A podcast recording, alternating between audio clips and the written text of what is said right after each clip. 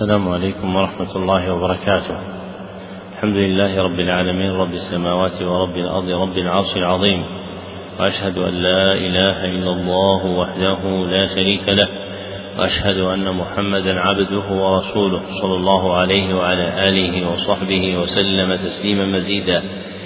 أما بعد فهذا المجلس الرابع في شرح الكتاب الأول من برنامج اليوم الواحد العاشر والكتاب المقروء فيه هو شرح نظم الورقات للعلامة محمد يحيى بن محمد المختار الولاتي رحمه الله. وقد انتهى بنا البيان إلى قوله باب في التخصيص.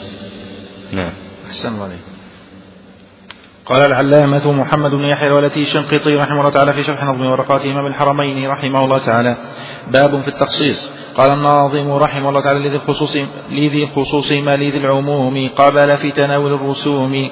قال الشارح رحمه الله تعالى يعني أن الخاص له من تعريف ما يقابل العام في تناول رسومي الحدود. يعني أن تعريف الخاص يؤخذ من تعريف العام بمقابلة بالمقابلة أي بالتضاد فهو ما لا يتناول أكثر من واحد وإن تناوله فما حصر. قال الناظم رحمه الله تعالى ورسم التخصيص بالتمييز لبعض جملة على التجويز قال الشارح رحمه الله تعالى يعني أن التخصيص رسم أي حد عند الفقهاء بتمييز أي إخراج بعض جملة المعاني أي الأفراد التي يستغرقها لفظ العام على سبيل التجويز أي الظن والمراد إخراجها عن الحكم المرتب على العام. قال الناظم رحمه الله تعالى وهو إلى, وهو إلى متصل ومنفصل منقسم عندهم فمتصل صيغة الاستثناء والشرط, والشرط كذا تقييده بصفة قد تحتذى. قال الشارح رحمه الله تعالى قوله وهو إلى متصل ومنفصل منقسم عندهم. يعني أن المخصص ينقسم عند الفقهاء إلى متصل ومنفصل فمتصل صيغة الاستثناء والشرط كذا تقييده بصفة قد تحتذى.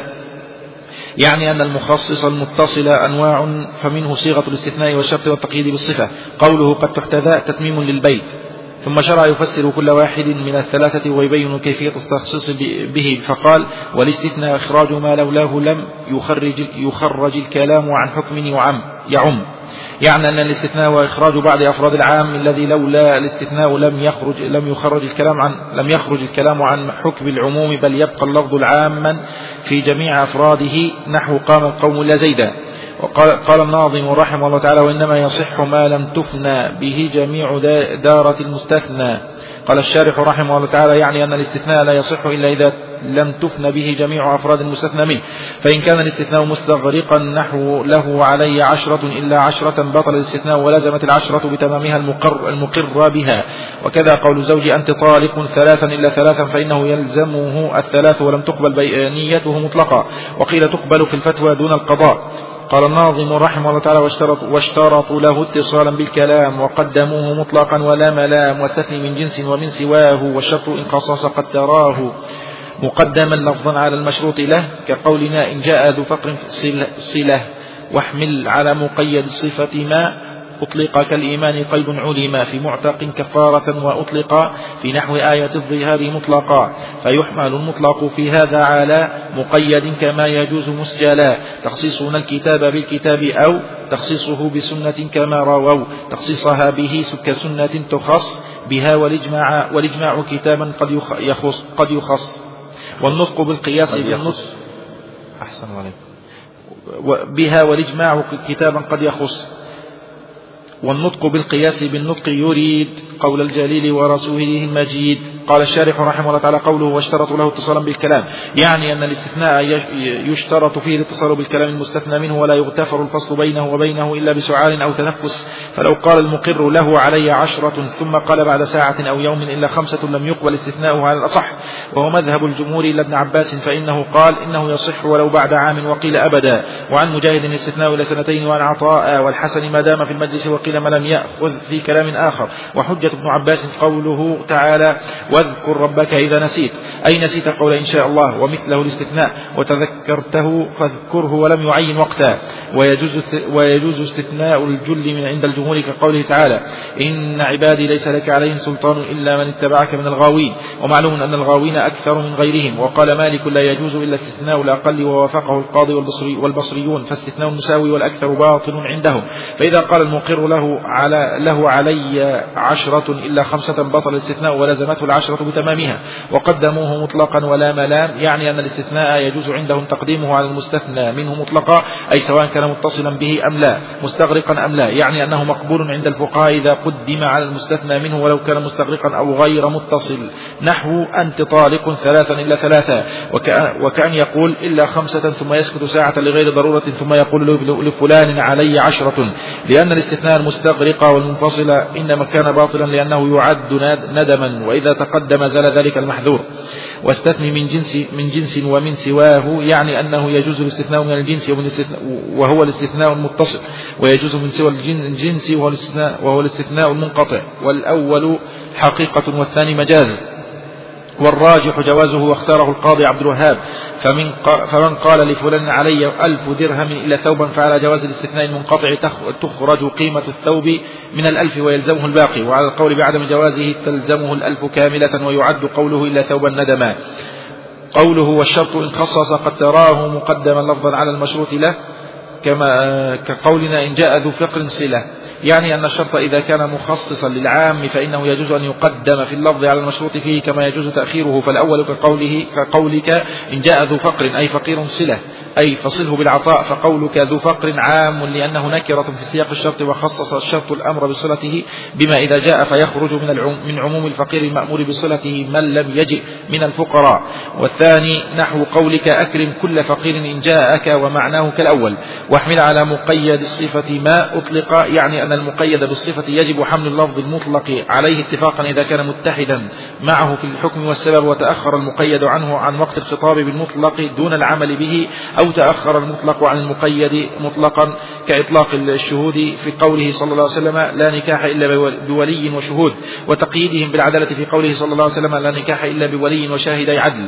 فيجب حمل المطلق فيجب حمل هذا المطلق على هذا المقيد لاتحاد حكمهما وهو الوجوب وسببهما وهو النكاح وكذا. إذا اتحد حكمهما واختلف السبب على المشهور.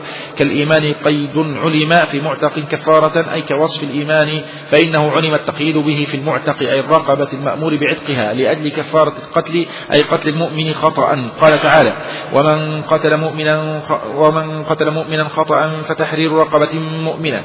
وأطلق في نحو آية الظهار مطلقة أي وورد أي ورد المعتق أي الرقبة المأمور بعتقها لأجل الكفارة في آية الظهار مطلقة أي غير مقيد بالإيمان وهو قوله تعالى والذين يظاهرون من نسائهم ثم يعودون لما قالوا فتحرير رقبة. الآية. فيحمل هذا المطلق على ذلك المقيد لاتحاد حكمهما وهو الوجوب مع اختلاف سببهما لأن سبب المطلق الظهار وسبب المقيد القتل. وهذا هو معنى قوله فيحمل المطلق في هذا على على مقيد. أي فيجب حمل المطلق في هذا النوع على المقيد لأن العمل بالدليلين أولى من الغاية أحدهما ولأن المقيد مبي مبين للمراد من المطلق. قلت عبر الناظم بالتقييد والإطلاق ما كان التخصيص والعموم ومثل المقيد المطلق مكان الخاص والعام مع أن الكلام في مبحث العام والخاص وبيان المخصص والمخصص المتصل وهو في ذلك تابع لإمام الحرمين في ورقاته. فإن كان الحامل له ما على ذلك كون المقيد والمطلق والمطلق كالعام والخاص في جميع الأحكام فهذا حسن صحيح. وإن كان ذلك لظنهما أن المطلق هو عين المقيد والمقيد وعين الخاص فخطأ.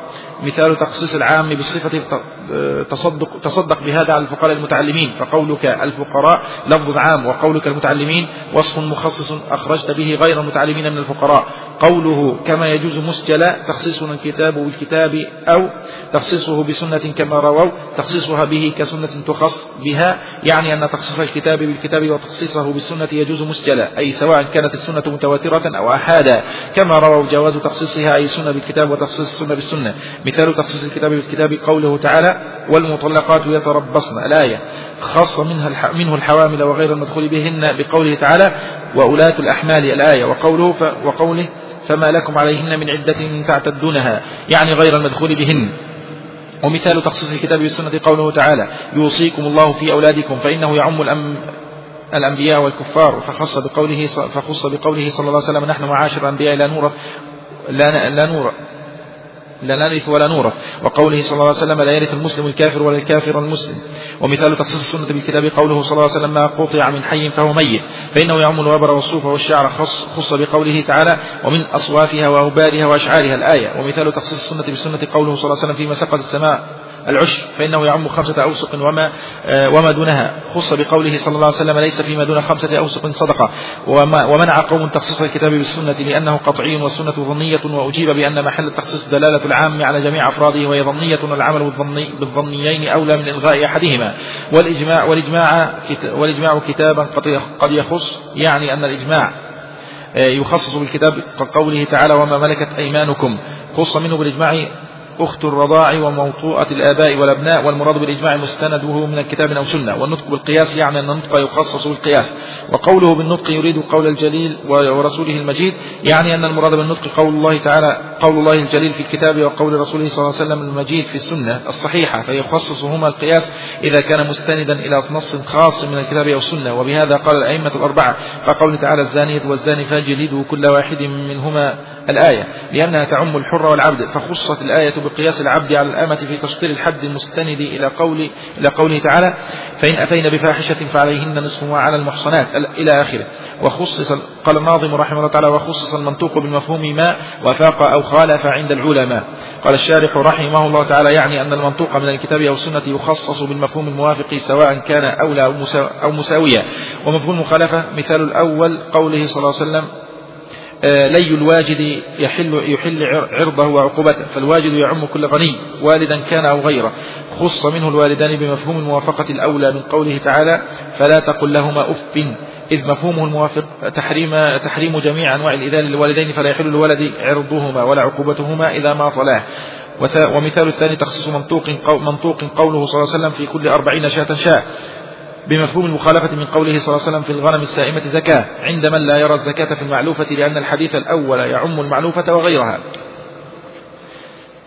تنبيه ذكر الناظم في الترجمة في حال عدة الأبواب التي يتضمنها النظم المطلق والمقيد ولم يبوب لهما وأردنا أن نبين تعريفهما ومثالهما وشيئا من عوارضهما الذاتية فنقول أما حقيقة المطلق في اصطلاح أما حقيقة المطلق في اصطلاح الأصوليين فهو اللفظ الدال على الماهية بلا قيد من من وحدة أو تعيين. والمقيد والمقيد هو اللفظ الذي يزيد على معناه معنى آخر بلفظ بلفظ غير لفظه. فصيغة المطلق النكرة في سياق الإثبات ومقتضاه استغراق أفراده أي ما يصدق عليه عليه بحسب اللغة على سبيل البدل لا على سبيل الاستغراق. وهو حجة شرعية ما لم يوجد مقيد له وإذا وجد مقيد له فإنه يجب حمله عليه بشرط أن يتفقا في الحكم والسبب. كقوله صلى الله عليه وسلم لا نكاح إلا بولي وشهود فإنه أطلق في الشهود أي لم يقيده بالعدالة مع قوله عليه السلام لا نكاح إلا بولي وشهد عدل فإنه قيد الشهود بالعدالة واتفق الأصوليون على حمل هذا المطلق على هذا المقيد لاتحادهما في الحكم والسبب لأن الحكم فيهما واحد وهو وجب الإشهاد والسبب فيهما واحد وهو النكاح. ذكر المصنف رحمه الله تعالى تبعا للناظم بابا آخر من المطالب الأصولية هو باب التخصيص وأتبعه العام وأتبعه وجاء به تابعا للعام لوقوعه مقابلا له فإن الخاص يقابل العام. كما قال الشارح في أول بيانه يعني أن الخاص له من التعريف ما يقابل العام في تناول الرسوم. أي الحدود وتفسير الرسوم بأن المراد بها الحدود على وجه التوسع وإلا فالمراد بالرسوم نوع خاص من أنواع المعرفات فإن المعرف مقسوم عند علماء العقليات إلى ثلاثة أقسام أحدها الحد والثاني الرسم والثالث اللفظ. والخاص اصطلاحا يبين من العام وعليه أحال الشارح ثم قال فهو ما لا يتناول أكثر من واحد وإن تناوله فمع حصر. وبعبارة أبين يقال الخاص هو القول الموضوع للدلالة على فرد مع حصر. هو القول الموضوع للدلالة على فرد مع حصر. ولا يراد بالفرد الواحد. بل جنس الأفراد المميزة دون غيرها من أفراد العام. ويتعلق بالخاص التخصيص وهو الذي ذكره الناظم بقوله ورسم التخصيص بالتمييز لبعض جملة على التجويز وذكر الشارح معناه أنه إخراج بعض جملة المعاني أي الأفراد التي يستغرقها لفظ العام على سبيل التجويز والمراد إخراجها عن الحكم المرتب على العام. فالتخصيص اصطلاحا هو إخراج بعض أفراد العام. إخراج بعض أفراد العام. والمراد بالإخراج أن يجعل له لها حكم سوى بقية أفراد العام الأخرى.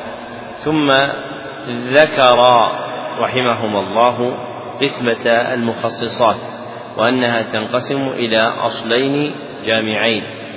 أحدهما المخصصات المنفصلة أحدهما المخصصات المتصلة وهي ما لا يستقل بنفسه. وهي ما لا يستقل بنفسه. والآخر المخصصات المنفصلة وهي ما يستقل بنفسه. ثم ذكر أن المخصصات المنفصلة تقع على أنواع منها الاستثناء والشرط والتقييد بالصفة أي التخصيص بها. عليها اختصر تبعا لصاحب الأصل فأولها الاستثناء والاستثناء اصطلاحا هو إخراج ما لولاه لدخل في الكلام إخراج ما لولاه لدخل في الكلام بصيغة معينة إخراج ما لولاه لدخل في الكلام بصيغة معينة وهو نوعان. أحدهما استثناء لغوي. استثناء لغوي. وهو الواقع بأدوات الاستثناء المعروفة عند علماء اللغة. وهو الاستثناء الواقع بأدوات الاستثناء المعروفة عند علماء اللغة وهي إلا وأخواتها. والآخر استثناء شرعي وهو قول إن شاء الله وهو قول إن شاء الله. من ذكره؟ ونقله عن من؟ عن ابن تيمية. هذه من المسائل التي نقلها ابن هشام عن ابن تيمية. استثناء شرعي وهو قول إن شاء الله. ذكره أبو العباس بن تيمية ونقله عنه ابن هشام في شرح قدر الندى. ثم ذكر رحمه الله تعالى من مسائل الاستثناء أن الاستثناء لا يصح إلا إذا لم تثنى به جميع أفراد المستثنى منه أي لم تذهب به جميع أفراد المستثنى به بل تبقى منه بقية فإن كان الاستثناء مستغرقا نحو له علي عشرة إلا عشرة بطل الاستثناء وكان لغوا ولزمت العشرة بتمامها المقر بها. وكذا قول الزوج أنت طالق ثلاثا إلا ثلاثا فإنه يلزمه الثلاث ولم تقبل نيته ويكون استثناؤه لغوا. وقيل تقبل في الفتوى دون القضاء يعني أنها تقبل فيما جرى مجرى الاستفتاء عن مسألة معينة دون ما اشتمل على خصومة يحتاج فيها إلى حكم القضاء. ثم ذكر رحمه الله تعالى من جملة مسائل الاستثناء أنهم اشترطوا له اتصالا بالكلام. يعني أن الاستثناء يشترط فيه الاتصال بالكلام المستثنى منه ولا يغتفر الفصل بينه وبينه إلا بسعال أو تنفس فالاتصال المتعلق بالاستثناء نوعان فالاتصال المتعلق بالاستثناء نوعان. أحدهما اتصال حقيقي وهو ما لا فصل فيه وهو ما لا فصل فيه. والآخر اتصال حكمي اتصال حكمي وهو ما وقع فيه فصل مغتفر وهو ما وقع فيه فصل مغتفر. بسعال أو تنفس ثم قال الشارح بناء على المسألة المقدم ذكرها فلو قال المقر له علي عشرة ثم قال بعد ساعة أو يوم إلا خمسة لم يقبل استثناؤه على الأصح لانقطاعه وهو مذهب الجمهور. واستثنى منه الشارح وغيره إلا ابن عباس رضي الله عنهما فإنه قال إنه يصح ولو بعد عام. وهذا المعزو في كتب الأصول إلى ابن عباس رضي الله عنه رواه سعيد بن منصور في سننه من حديث الأعمش عن مجاهد عن ابن عباس رضي الله عنهما. وإسناده ضعيف فهو من الأحاديث التي دلسها الأعمش عن مجاهد وهي أحاديث قليلة. وأصل روايته من طريق الأعمش عن ليث بن أبي سليم عن مجاهد عن ابن عباس وليث أحد الضعفاء. فسقط هذا القول المعزو إلى ابن عباس رضي الله عنهما. ثم ذكر مذاهب أخرى في ذلك والمختار ما تقدم من أنه لا يقبل الاستثناء إذا طال الفصل وتقدير مدة الاستثناء موكول إلى العرف في طولها وقصرها. ثم ذكر من مسائل الاستثناء أنه يجوز استثناء الجل الجل عند الجمهور يعني الأكثر عند الجمهور. كقوله تعالى إن عبادي ليس لك عليهم سلطان إلا من اتبعك من الغاوين ومعلوم أن الغاوين أكثر من غيرهم لدلالة الأحاديث الواردة في أهل الجنة وأهل النار. وقال مالك لا يجوز إلا استثناء الأقل ووافقه القاضي يعني أبا بكر الباقلاني والبصريون من أصحابه.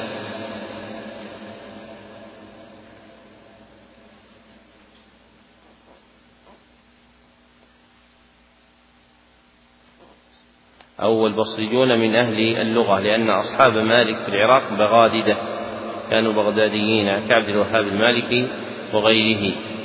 ثم قال فاستثناء المساوي والأكثر باطل عندهم. فإذا قال المقر له علي عشرة إلا خمسة بطل الاستثناء ولزمته العشرة بتمامها. ومذهب الجمهور جواز استثناء الجل والمساوي. ثم ذكر من مسائل الاستثناء أنه يجوز عندهم تقديمه على المستثنى منه مطلقا سواء كان متصلا به أم لا مستغرقا أم لا لأنه لا أثر له في الحكم وإنما يراعى فيه الوضع اللغوي سواء تقدم أو تأخر فلا أثر له فيما ينبني عليه من الحكم المستفاد من دلالة المعنى. ثم ذكر من مسائل الاستثناء أنه يجوز الاستثناء من الجنس وهو الاستثناء من وهو استثناء المتصل ويجوز من سوى الجنس وهو استثناء المنقطع. أي يجوز أن يكون المستثنى من جنس المستثنى منه أو من غير جنسه. كقوله في الأول جاء القوم إلا زيدا وقوله في الثاني جاء القوم إلا الحمار. فإن الحمار ليس من جنس القوم. ثم ذكر أن الراجح هو جوازه واختاره القاضي عبد الوهاب من المالكية وهو الصحيح. فمن قال لفلان علي ألف درهم إلا ثوبا فعلى جواز الاستثناء المنقطع تخرج قيمة الثوب من الألف ويلزمه الباقي.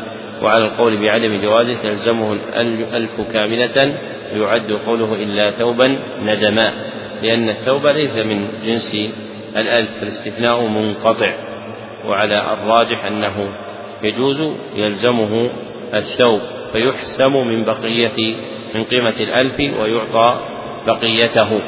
ثم ذكر المخصص المنفصل المتصل الثاني وهو الشرط والشرط اصطلاحا هو تعليق شيء على شيء بأداة معينة. تعليق شيء على شيء بأداة معينة. وهذه الأداة هي إن وأخواتها. ثم ذكر رحمه الله تعالى في بيان ذلك أن الشرط إذا كان مخصصا للعام للعام فإنه يجوز أن يقدم في اللفظ على المشروط فيه كما يجوز تأخيره. لأن المعنى المراد من حصول الشرط متحقق بالتقديم أو بالتأخير سواء قال إن جاء ذو فقر فأعطه مالا أو قال أعط المال كل فقير إن جاءك فإذا قدم الشرط أو أخر كان مفيدا للتخصيص. ثم ذكر المخصص المتصل الثالث في قوله واحمل على مقيد الصفة ما أطلق وهو المقيد بالصفة والمراد به ما دل على معنى اتصف به بعض أفراد العام.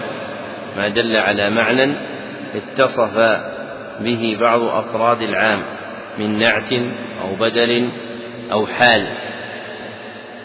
فلا يراد بالصفة في هذا النوع من المخصصات المعنى المتعارف عليه عند النحاة بل يراد منه أوسع من ذلك وهو كل ما دل على اتصاف الأفراد بشيء من الأوصاف سواء كان سبيل ذلك الاتصاف هو النعت المسمى بالصفة عند النحاة أو البدل أو الحال.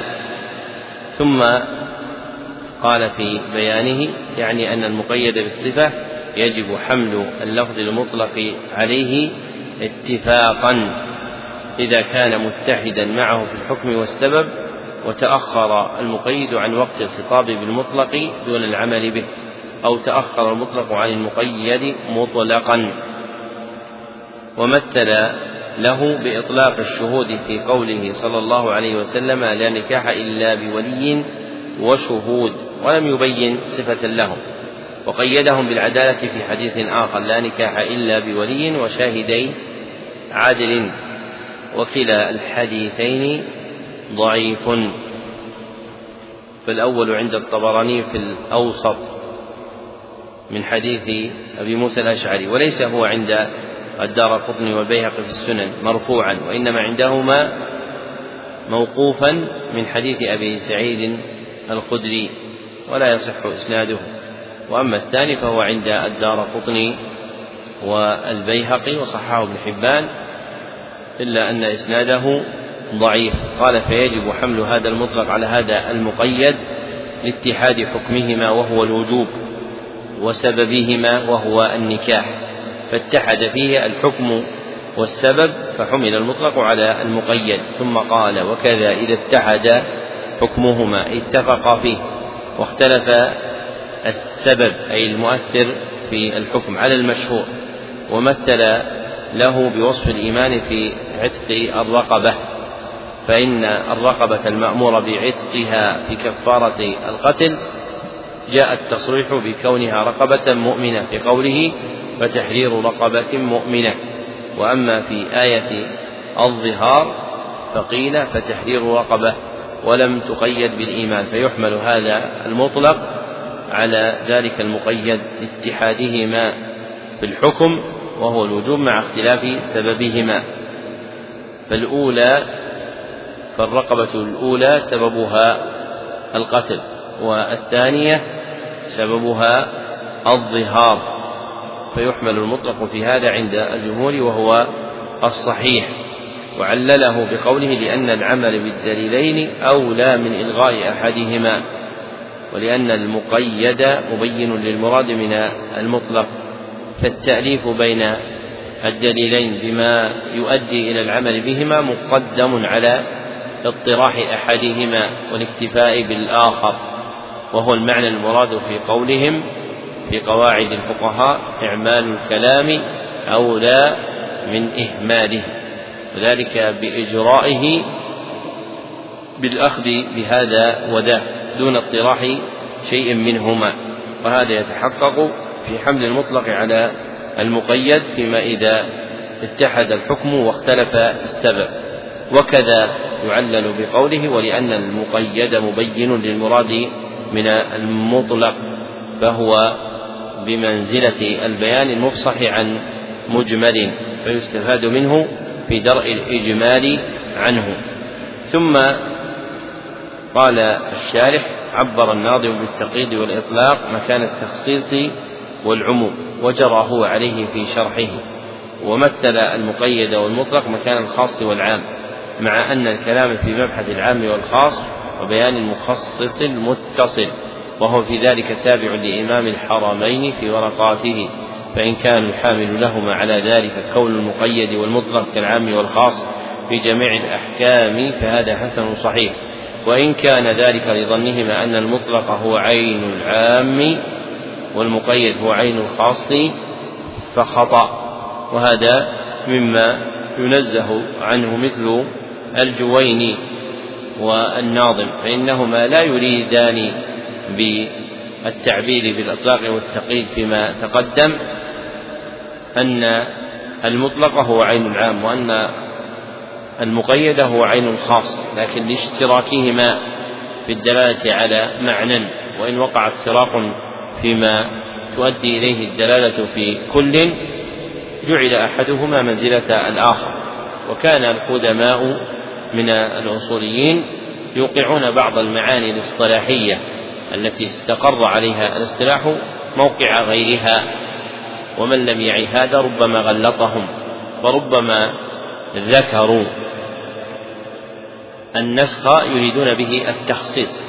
وهذا موجود في كلام جماعة من السلف كابن عباس رضي الله عنهما فيطلقون النسخ لا يريدون به رفع الخطاب أو الحكم أو هما معا بخطاب متراخ كما استقر عليه الاصطلاح المتأخر ولكنهم لاحظوا رفع الحكم عن بعض الأفراد فسموه نسخا واستقر الاصطلاح اصطلاح بتسميته خاصا والعام والمطلق الخاص والمقيد بينهما اشتراك في دلالتهما الكلية فلأجل هذا تسمح في إيقاع أحدهما موقع الآخر إلا مع التحرير والتحقيق فإن لكل مورده وإنما يقال هذا اعتذارا عما جرى في كلامهما في الجملة المتقدمة. فلما فرغ المصنف رحمه الله تعالى من المخصصات المتصلة أتبعها بالمخصصات المنفصلة في قوله كما يجوز مسجلا تخصيصنا الكتاب بكتابه إلى آخره. وهذه الجملة المذكورة في كلامه متضمنة لبعض المخصصات المنفصلة. وجماع المخصصات المنفصلة ثلاثة. أحدها العقل ثانيها الحس وثالثها الشرع أحدها العقل وثانيها الحس وثالثها الشرع. والمذكور في هذه الجملة عظمه من الشرع كتخصيص الكتاب بالكتاب وتخصيص السنة بالسنة وتخصيص السنة بالكتاب وتخصيص الكتاب بالسنة. ومنه ما يتعلق بالعقل وهو التخصيص بالقياس. وقد مثل المصنف رحمه الله تعالى لبعض أفراد التخصيص بالشرع المذكورة هنا كتخصيص الكتاب بالكتاب وتخصيص الكتاب بالسنة وتخصيص السنة بالكتاب وفيما ذكره من بعض الأمثلة منازعة في صحة المضروب مثالا من جهة الرواية وهذا ربما تسمح به لأن المقصود هو ضرب المثال. ومتى كان المقصود ضرب المثال؟ فإن أهل العلم يتسمحون. فربما ذكروا خلاف مذهبهم أو الراجح عندهم لأن مقصودهم هو ضرب المثال التي يتبين الذي يتبين به المقصود فيتسمحون فيما يذكرون وفي جملة مما ذكره المصنف من الحديث وهاء وضعف. فحديث نحن معاشر الأنبياء لا نرث ولا نورث لا أصل له بهذا اللفظ وإنما هو في الصحيحين. في حديث أبي بكر رضي الله عنه أن النبي صلى الله عليه وسلم قال لا نورث ما تركنا صدقة. والحديث الذي بعده هو حديث ما قطع من حي فهو ميت رواه أبو داود وغيره من حديث أبي بكر الليثي ولا يصح أيضا. ثم قال الشارح ومنع قوم تخصيص الكتاب بالسنة لأنه قطعي والسنة لفظية. وأجيب بأن محل التخصيص دلالة العام على جميع أفراده وهي ظنية والعمل بالظنيين أولى من إلغاء أحدهما. أي أن متعلق القول بالتخصيص هو الحكم لا اللفظ. فجاز إعماله ولو كان ظنيا فيجوز تخصيص الكتاب بالسنة. ثم قال والإجماع كتابا قد يخص يعني أن الإجماع يخصص الكتاب. كقوله تعالى وما ملكت أيمانكم خص منه بالإجماع أخت الرضاع وموطوءة الآباء والأبناء. والتخصيص بالإجماع إنما هو تخصيص بالكتاب أو السنة حكما. لأن الإجماع لا ينعقد إلا بمستند له من الكتاب أو السنة وإن خفي علينا. وإلى ذلك أشار في مسألة النسخ حافظ الحكم في مهمات الحصول إذ قال وليس الإجماع على ترك العمل بناسخ لكن على الناسخ دل لأن الإجماع في نفسه ليس ناسخا لكنه يدل على ناسخ من الكتاب والسنة. وكذا انعقاد الإجماع هو مستند إلى دليل من الكتاب والسنة فالتخصيص به كالنسخ فيكون تخصيصا بمستند عليه من الكتاب أو السنة. ثم ذكر بعد ذلك ما يتعلق بتخصيص الكتاب والسنة بالقياس وهذا من الأفراد المندرجة تحت العقل ومثل له بقياس العبد على الأمة في تشطير الحد.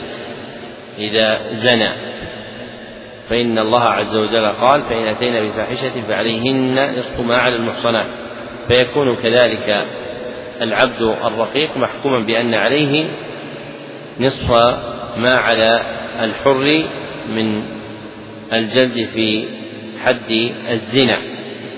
وبين أن المراد بالنطق هو قول الله وقول الرسول صلى الله عليه وسلم وأشار الجويني إلى ذلك في موضع متأخر موضع متأخر من كتاب الورقات فقال ونعني بالنطق قول الله وقول رسوله صلى الله عليه وسلم ثم ذكر الشارح رحمه الله تعالى مسألة أخرى وهي أن المنطوق من الكتاب أو السنة يعني دلالة المنطوق من الكتاب والسنة تخصص بالمفهوم بدلالة المفهوم الموافق أو المخالف سواء كان أولى أو مساويا ومثل رحمه الله تعالى لتخصيص الكتاب أو السنة بمفهوم الموافقة المستفاد من الخطاب بقوله صلى الله عليه وسلم لي الواجد يحل عرضه وعقوبته فالواجد يعم كل غني والدا كان أو غيره فليه بمطله وتأخيره حق أحد عنده يحل عرضه بالكلام فيه وعقوبته بمجازاته على ذلك وخص منه الوالدان بمفهوم الموافقة من قوله فلا تقل لهما أف. إذ مفهومه الموافق تحريم جميع أنواع الإيذاء للوالدين فلا يحل الولد عرضهما ولا عقوبتهما إذا مطلاه أي في الوفاء بحقه.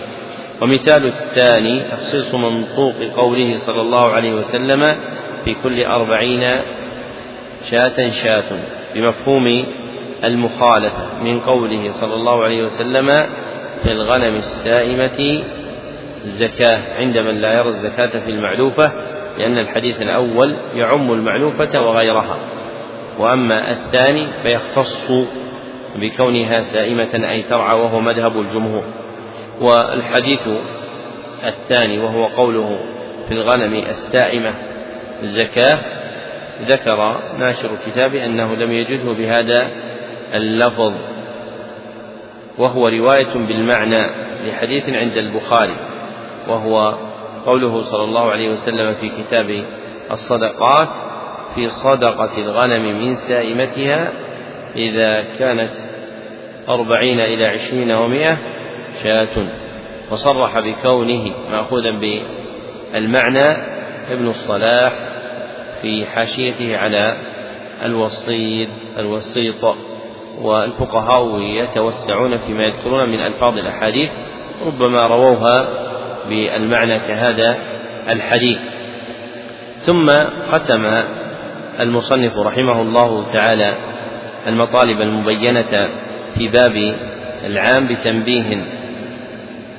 ذكر فيه ما يتعلق بالمطلق والمقيد لأن الناظم في التراجم حال عد الأبواب لوح بذكرهما لكنه سهى عن إفرادهما بالبيان. وذكر الشارح أن حقيقة المطلق هي اللفظ الدال على الماهية بلا قيد من وحدة أو تعيين. وبعبارة أبين يقال المطلق هو اللفظ هو اللفظ الموضوع لاستغراق جميع الأفراد على وجه البدن. هو اللفظ الموضوع موضوع لاستغراق جميع الأفراد على وجه البدل وقال في المقيد هو اللفظ الذي يزيد على معناه معنى آخر بلفظه بلفظ غير لفظه وبعبارة أبين يقال المقيد هو اللفظ الموضوع للدلالة على فرد واقع بدلا. اللفظ الموضوع للدلالة على فرد واقع بدلا. ثم قال الشارح فصيغة المطلق النكرة في سياق الإثبات ومقتضاه استغراق أفراده أي ما يصدق عليه بحسب اللغة على سبيل البدل لا على سبيل الاستغراق. وهذا إعلام بالمفرق بين العام والمطلق.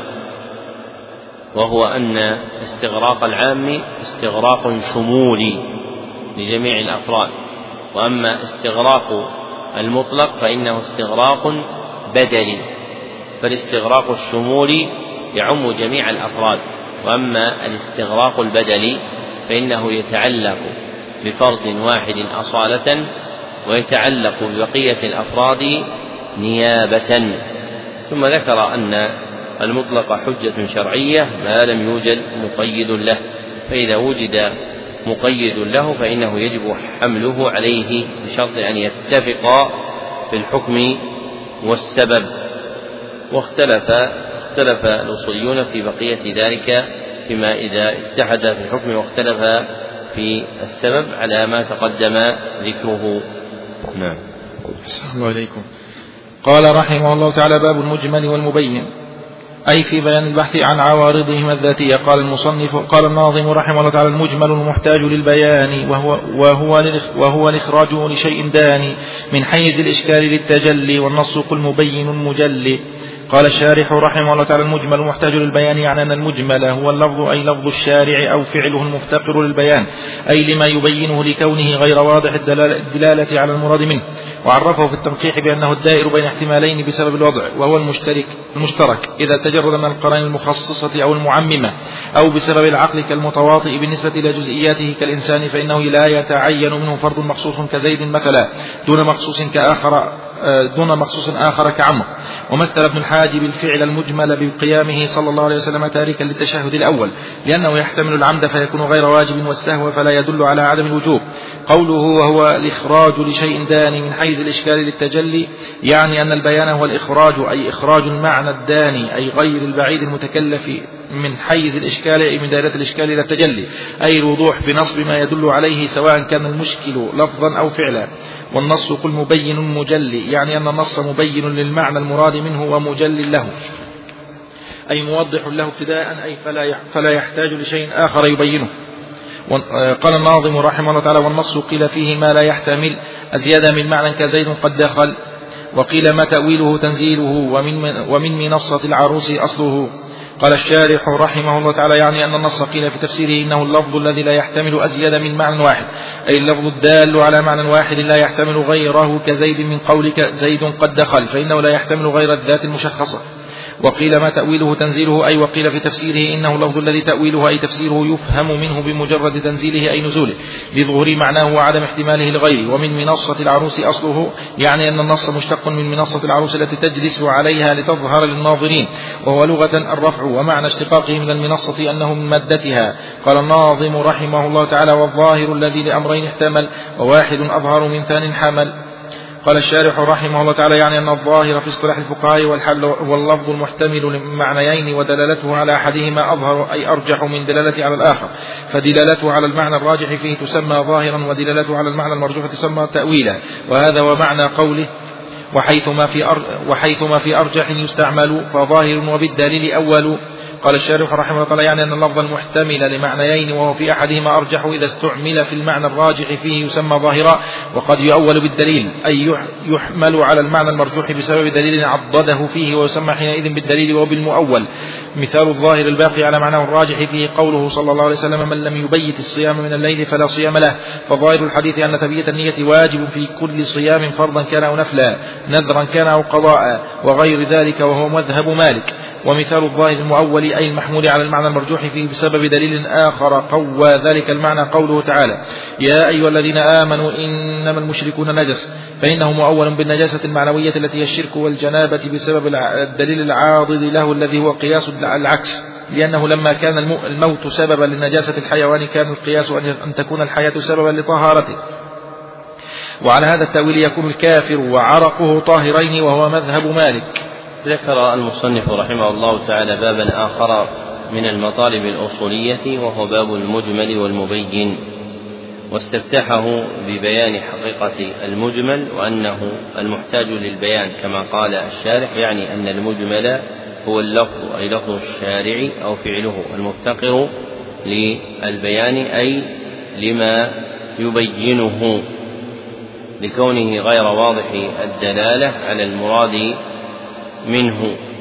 وعرفه في التنقيح يعني القرافي بأنه الدائر بين احتمالين بسبب الوضع أي المتردد بين احتمالين بسبب الوضع أو بسبب العقل ومثل بسبب الوضع بالمشترك أي اللفظ الدال على معاني متعددة إذا تجرد من القرائن المخصصة أو المعممة ومثل لسبب العقل بالمتواطئ بالنسبة إلى جزئياته وهو الدال على معنى مشترك في أفراده كالإنسان بدلالته على الأنس والحياة في أفراده موجود في زيد وعمر على اختلاف في ذلك فهو معنى مشترك موجود فيهم. وهذا الإجمال واقع في القول والفعل. وذكر تمثيل ابن الحاجب للفعل المجمل للدلالة على وجوده بقيامه صلى الله عليه وسلم تاركا في التشهد الأول.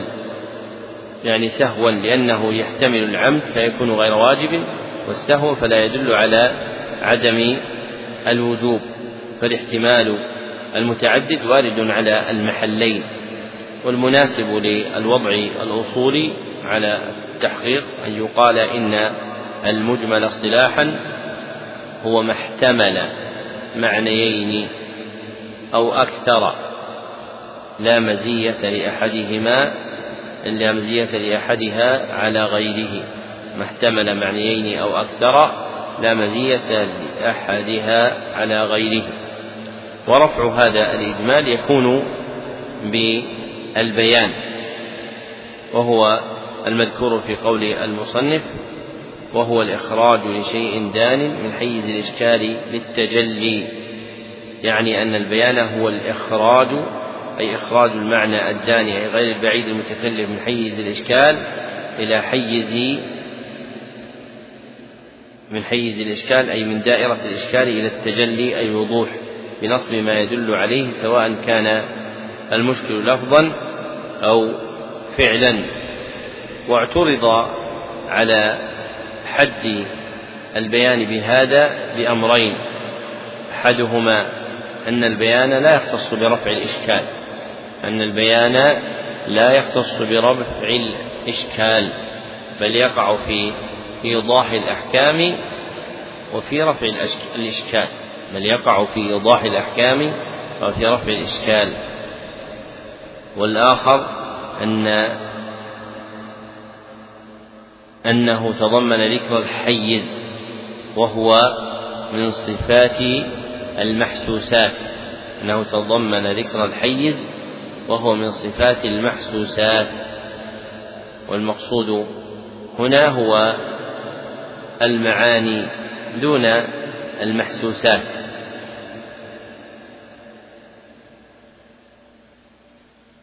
وبعبارة بينة يقال إن البيان هو الإيضاح للمجمل هو إيضاح المجمل.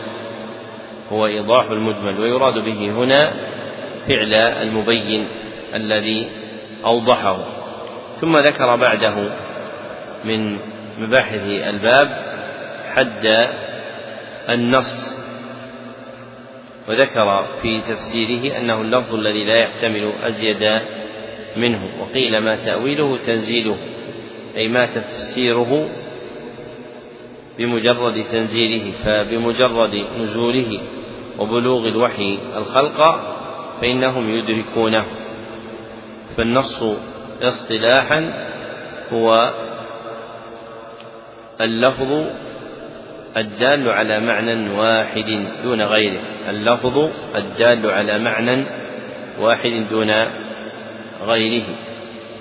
واستطرد الناظم تبعا لأصله فذكر اشتقاقه وأنه مشتق من منصة العروس بالكسر لأنها اسم آلة واشتقاقه منها فيه نظر لما تقدم من أن أصل المشتقات هو هو المصدر لما تقدم من أن أصل المشتقات هو المصدر قال الحريري والمصدر الأصل هو أي أصل ومنه يا صاح اشتقاق الفعل وهذا مذهب البصريين. ثم أتبعه ببيان الظاهر مبينا أن الظاهر هو اللفظ المحتمل المحتمل معنيين ودلالته على أحدهما أظهر أي أرجح من دلالته على الآخر. فالظاهر اصطلاحا هو اللفظ المحتمل معنيين أحدهما أرجح من الآخر أحدهما أرجح من الآخر. ثم ذكر الشارح بعد ذلك أن اللفظ المحتمل للمعنيين وهو في أحدهما أرجح إذا استعمل في المعنى الراجح فإنه قد فإنه يسمى ظاهرا. وقد يؤول بالدليل أن يحمل على المعنى المرجوح بسبب دليل عضده فيه ويسمى حينئذ بالدليل وبالمؤول. فالظاهر نوعان. أحدهما ظاهر بنفسه. أحدهما ظاهر بنفسه. وهو اللفظ المحتمل معنيين. أحدهما أظهر أرجح من الآخر. والآخر الظاهر بغيره. الظاهر بغيره. وهو اللفظ المصروف عن ظاهره الراجح إلى معنى مرجوح لدليل. اللفظ المصروف عن ظاهره الراجح إلى معنى مرجوح لدليل. ويسمى الثاني مؤولا. يسمى الثاني مؤولا. ومثل الشارح رحمه الله تعالى لكل لكل فمثل الأول بحديث من لم يبيت الصيام من الليل فلا صيام له. رواه أصحاب السنن واختلف في وقفه ورفعه والمحفوظ أنه موقوف وظاهره أن تبيت النية واجب في كل صيام وهو مذهب المالكية. والراجح أنه لا يطلب في النفل المطلق بخلاف غيره من صيام فرض أو نفل مقيد. ثم مثل للظاهر المؤول بقوله تعالى يا أيها الذين آمنوا إنما المشركون نجس. فإنه مؤول بالنجاسة المعنوية دون الحسية وهو مذهب جمهور الفقهاء. وإن كان المتبادر من ذكر النجاسة نجاستهم الحسية لكنه مؤول بالدليل الذي ذكره المصنف. نعم. أحسن الله عليك قال رحمه الله تعالى باب في أفعال الشارع أي البحث عنها. قال الناظم رحمه الله تعالى باب وفعل, وفعل صاحب الشفاعة. لم يخلو إما أن يكون طاعة أو قربة وذا ما تدل دليل على اختصاصه به فهو السبيل. وحيث لم يرد دليل لم يخص, لم يخص به لقول ربنا فيما ينص. أعني لقد كان لكم أي في الرسول أحسن أسوة فما عن ذا عدول لدى جماعة من الأصحاب وبعضهم قال بالاستحباب.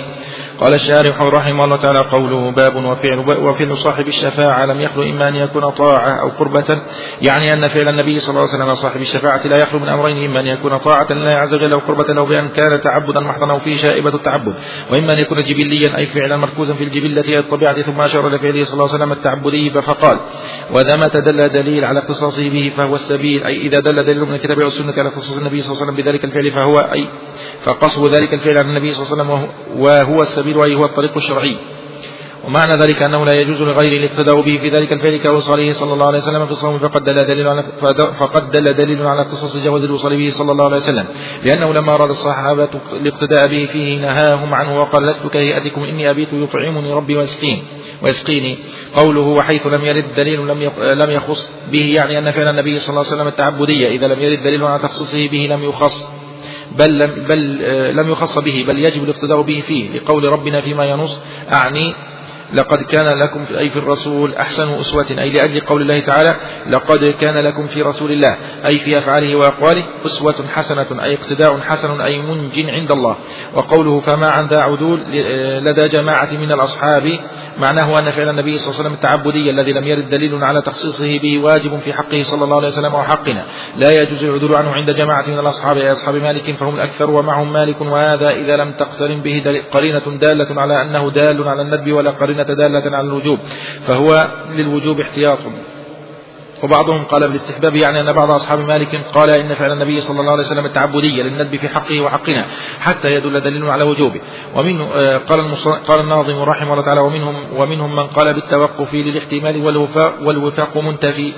قال الشارح رحمه الله تعالى يعني أن بعض المالكيين وهو القاضي أبو بكر الباقلاني قال في فعل النبي صلى الله عليه وسلم التعبدي بالوقوف عن عن القول بواحد من القولين المتقدمين لأجل احتمال تعارض الأدلة في ذلك. قوله والوفاق منتفي معناه أن الوفاق بين العلماء في هذه المسألة منتفي. قال الناظم رحمه الله تعالى وإياكم فعلا غير طاعة وقربة فانسبه للإباحة. قال الشارح رحمه الله تعالى يعني أن فعل النبي صلى الله عليه وسلم إذا كان لغير طاعة وقربة فإن كان جبليا كمطلق الأكل والشرب واللبس والقيام والقعود والمشي والنوم ونحو ذلك. فإنه يدل على الإباحة فقط أي إباحة ذلك الفعل ولا دلالة على وجوبه ولا على ندبه. وهذا مع قطع النظر عن صفة الفعل وهيئته التي وقع عليها وما مع النظر إلى ذلك فمندوب كأكله بيمناه ومما يليه. وإذا اجتمع في فعل وإذا اجتمع في, في فعله عليه السلام شائبة الجبلية وشائبة التعبد ففيه قولان قيل يندب الاقتداء به فيه وقيل يباح فقط كركوبه, كركوبه صلى الله عليه وسلم في الحج وضجعته على الشق الأيمن بين صلاة الفجر والصبح ومذهبنا ندب الركوب في الحج دون الضجعة. فتحصل من هذا أن فعل النبي صلى الله عليه وسلم محصور في الوجوب والندب والإباحة فلا يقع منه صلى الله عليه وسلم محرم لأنه معصوم ولا مكروه ولا خلاف الأولى لأن ذلك نادر الوقوع من التقي من أمته صلى الله عليه وسلم فكيف يقع منه صلى الله عليه وسلم؟ قال الناظم رحمه الله تعالى وهكذا إقراره للقول من أحد قول له وأولي إقراره إقراره الشخص على شيء فعل بعصره وعلمه ما قد نقل وما بوقته بغير مجلسه فعل عالما به كمجلسه.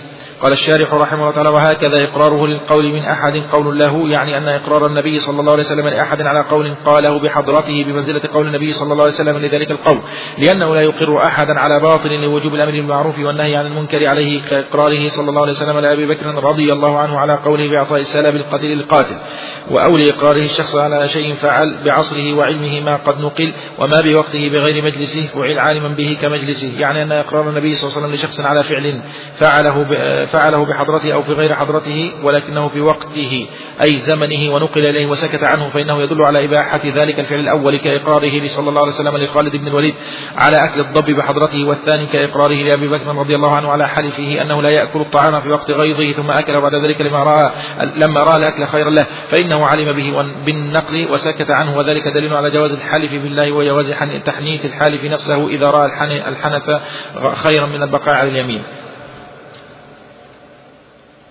عقد المصنف رحمه الله تعالى بابا آخر. بين فيه مطلبا من المطالب الأصولية. ترجم له بقوله باب في أفعال الشارع. والمراد بذلك البحث عنها من جهة أحكامها. والشارع في الترجمة يراد به النبي صلى الله عليه وسلم. وعدل عنه الناظم نفسه. فقال في نظمه باب وفعل صاحب الشفاعة فلم يعبر عنه بالشارع. وكذا صاحب الأصل فإنه لما ذكره قال صاحب الشريعة يعني النبي صلى الله عليه وسلم. وهو صاحبها باعتبار وجود معنى للملازمة بينهما وهو البلاغ. فنسب إلى صحبة الشريعة. وأما تسميته صلى الله عليه وسلم شارعا فذلك ممنوع منه لاختصاص الشرع بالله سبحانه وتعالى. وإنما يكون النبي صلى الله عليه وسلم مبلغا لا شارعا. ويجوز الخبر عن الله عز وجل بأنه الشارع. فلو ترجم الناظم بقوله باب في أفعال صاحب الشريعة كما في الأصل من ذكر ذلك عند ذكر أفعال الرسول صلى الله عليه وسلم لكان أولى وخروجا من المحذور المذكور. وتقدم تفصيل هذه المسألة في غير هذا المقام. وبين الشارح رحمه الله تعالى في إيضاحه مقاصد الأبيات المذكورة في هذا الباب أن فعل النبي صلى الله عليه وسلم لا يخلو من أمرين. أحدهما أن يكون مفعولا على وجه الطاعة والقربة والآخر أن يكون مفعولا على جهة الجبلة أي الطبيعة الآدمية البشرية. ثم قال وذا متى دل الدليل على اختصاصه به فهو السبيل؟ أي إذا دل دليل من الكتاب أو السنة على اختصاص النبي صلى الله عليه وسلم بذلك الفعل فهو أي فقصد ذلك الفعل عن النبي صلى الله عليه وسلم هو السبيل أي هو الطريق الشرعي. فإذا قام الدليل على اختصاصه به صلى الله عليه وسلم صار الفعل خاصا به صلى الله عليه وسلم. كما قام الدليل على اختصاص جواز الوصال به صلى الله عليه وسلم وأنه له قربة قربة من القرب بخلاف غيره. فإنه مكروه في حقه أو محرم وهما قولان لأهل العلم. فإن فقد الدليل على التخصيص فإنه يعم النبي صلى الله عليه وسلم وغيره لما أمرنا به من اتخاذ النبي صلى الله عليه وسلم أسوة يعني قدوة يتأسى به صلى الله عليه وسلم في أحواله فيشاركه غيره في محاذاته للفعل الذي لم يقم الدليل على اختصاصه به صلى الله عليه وسلم. وهذا الفعل المتجرد عن تخصيصه به صلى الله عليه وسلم اختلف فيه على ثلاثة أقوال. أحدها أنه للإيجاب ما لم تقم قرينة على غير الإيجاب والثاني أنه للندب والاستحباب. والثالث القول بالتوقف القول بالتوقف. وليس المراد بالتوقف هنا الامتناع عن الجزم بأنه مطلوب لكن الواقف يمتنع عن جعله. واجبا أو ندبا مع قوله بالطلب. لكن المتوقف يمتنع عن الجزم بكونه واجبا أو ندبا مع جزمه بالطلب فهو مطلوب من العبد.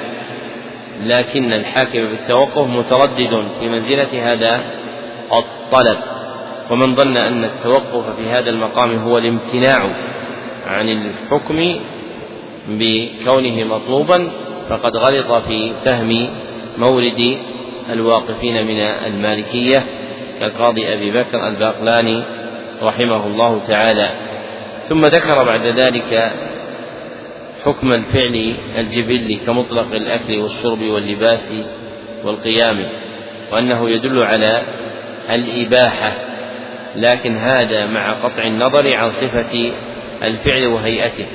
وأما مع النظر إلى ذلك فمندوب كأكله بيمناه ومما يليه فالأفعال الجبلية لها موردان مؤثران في الحكم فالأفعال الجبلية لها موردان مؤثران في في الفعل. أحدهما في حكم الفعل أحدهما أصل الفعل أحدهما أصل الفعل الجبلي. أصل الفعل الجبلي. وحكمه الإباحة. والآخر صفة الفعل الجبلي. صفة الفعل الجبلي. وحكمه الندب. وحكمه الندب. فمثلا أكل النبي صلى الله عليه وسلم فعل جبلي. هو باعتبار أصله للإباحة وبالنظر إلى صفة أكله بيمينه صلى الله عليه وسلم فالأكل باليمين مندوب مستحب. ثم ذكر مسألة متنازعا فيها وهي الفعل المتجاذب بين الجبلية والقربة. فإذا اجتمع في فعله صلى الله عليه وسلم شائبة الجبلية شائبة القربة بالتعبد ففيه قولان قيل يندب وقيل يباح كركوبه صلى الله عليه وسلم في الحج وضجعته على شقه الأيمن بين صلاة الفجر والصبح. والراجح أنه يفزع إلى دليل خارجي يبين حكم ذلك الفعل فباعتبار الدليل الخارجي يحكم عليه بأنه للندب أو للإباحة. ثم ختم الشارح رحمه الله تعالى هذا الفصل بقوله فتحصل من هذا أن فعل النبي صلى الله عليه وسلم محصور في الوجوب والندب والإباحة فلا يقع منه صلى الله عليه وسلم محرم لأنه معصوم ولا مكروه ولا خلاف الأولى لأن ذلك نادر الوقوع من التقي من أمته صلى الله عليه وسلم فكيف يقع منه صلى الله عليه وسلم؟ فأفعال النبي صلى الله عليه وسلم على ما ذكره. الشارح ممتنعة من شيئين أحدهما الفعل المحرم. وعلله بقوله لأنه معصوم يعني محفوظ من ذلك. ويسلم هذا إن أريد به الفعل المحرم الذي يقر عليه ولا يتوب عنه يتوب منه. الفعل المحرم الذي يقر عليه ولا يتوب منه. فهذا ممتنع عن النبي صلى الله عليه وسلم. وأما صدور الفعل المحرم منه صلى الله عليه وسلم فذلك جائز شرعا وعقلا. قال تعالى ليغفر الله لك ما تقدم من ذنبك وما تأخر. وقال تعالى ووضعنا عنك وزرك والآخر فعل المكروه. ومن جملته خلاف الأولى فإن خلاف الأولى لا يختص بنوع مفرد من الأحكام بل هو يقع بمعنى المكروه.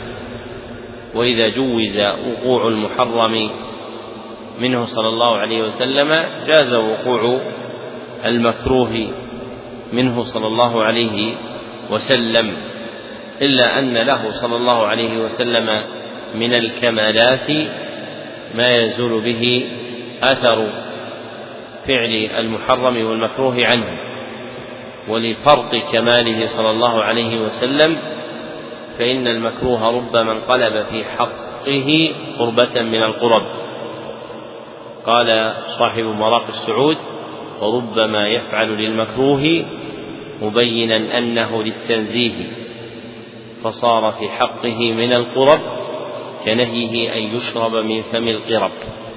فنهيه صلى الله عليه وسلم عن الشرب من فم القرب بين بفعله أنه لا للتحريم بل للكراهة فصار مع كونه مكروها قربة في حقه صلى الله عليه وسلم لأنه بين حكمه فيؤجر على بيانه. ثم ألحق المصنف رحمه الله تعالى بباب الأفعال إقرار النبي صلى الله عليه وسلم فذكر أن إقرار النبي صلى الله عليه وسلم لأحد على قول أو فعل في مجلسه فإنه يدل على إباحة ذلك. ومحل إفادته الإباحة ما لم يقترن باستحسان النبي صلى الله عليه وسلم له ما لم يقترن باستحسان النبي صلى الله عليه وسلم له. فإن اقترن باستحسان النبي صلى الله عليه وسلم له صار مندوبا مستحبا. والقول فيما تجرد من الإحسان من قول أو فعل كان بحضرته فيكون مباحا.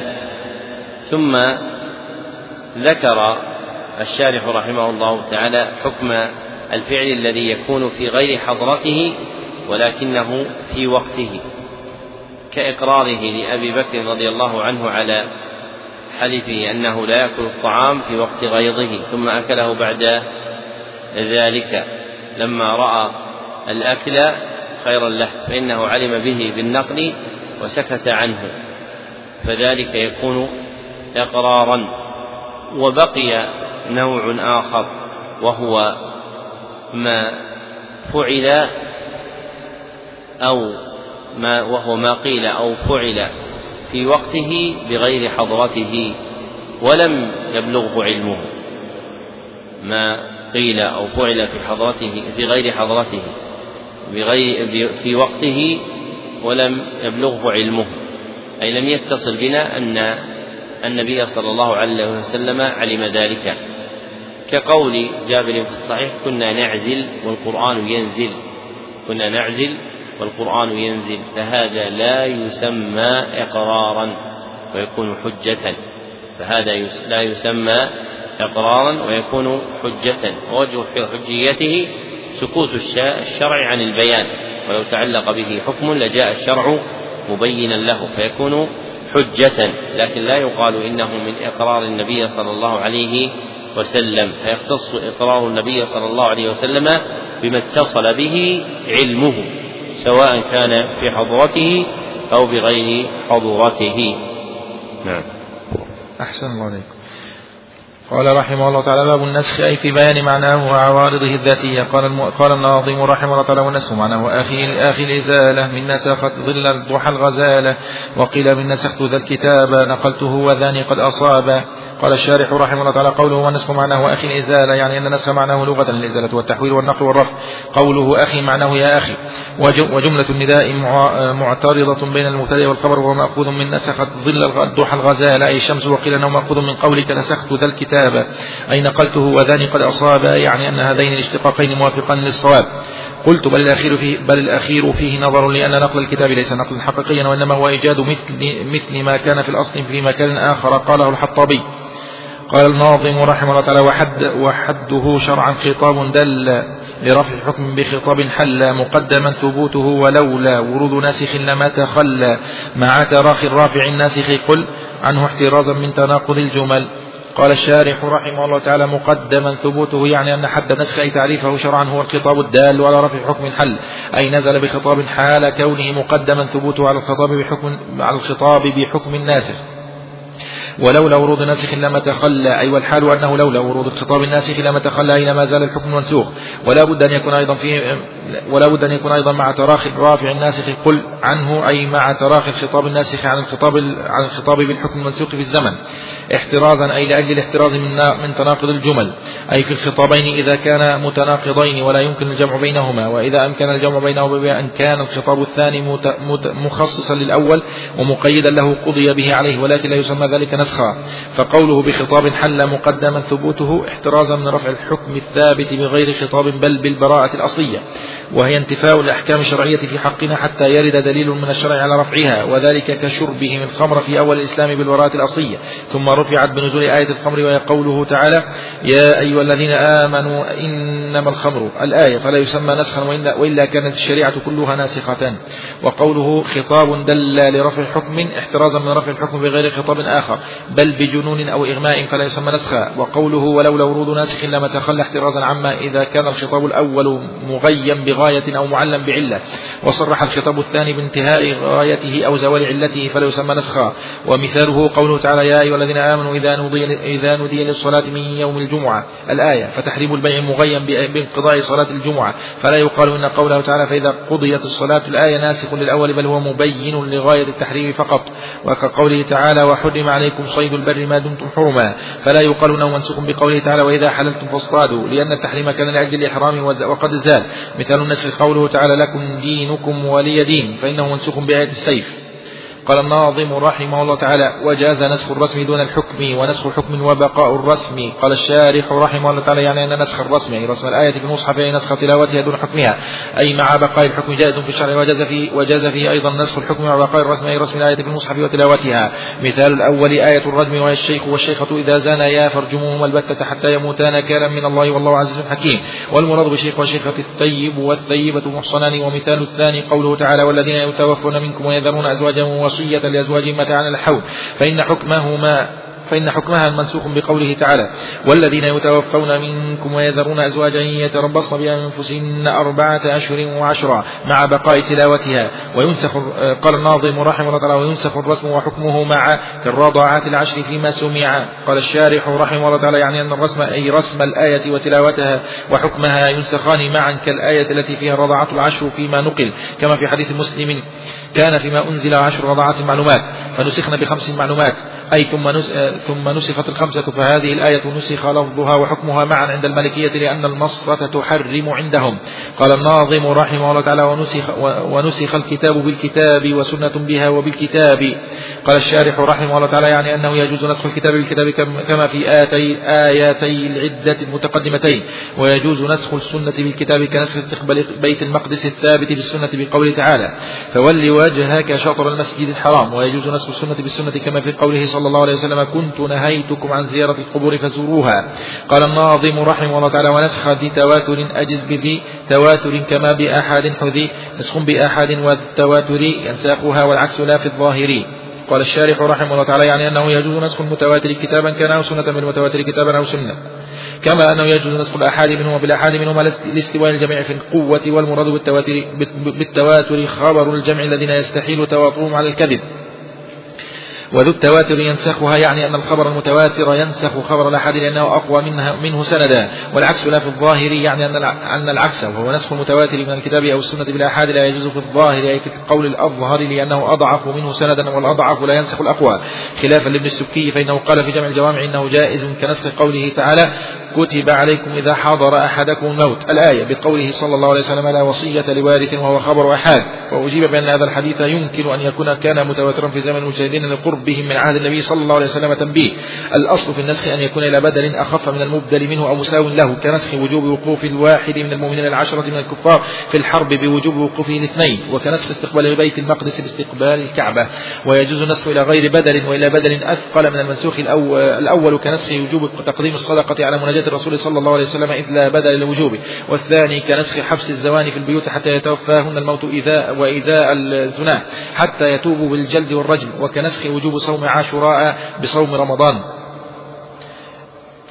ذكر المصنف رحمه الله تعالى بابا آخر من المطالب الأصولية هو باب النسخ.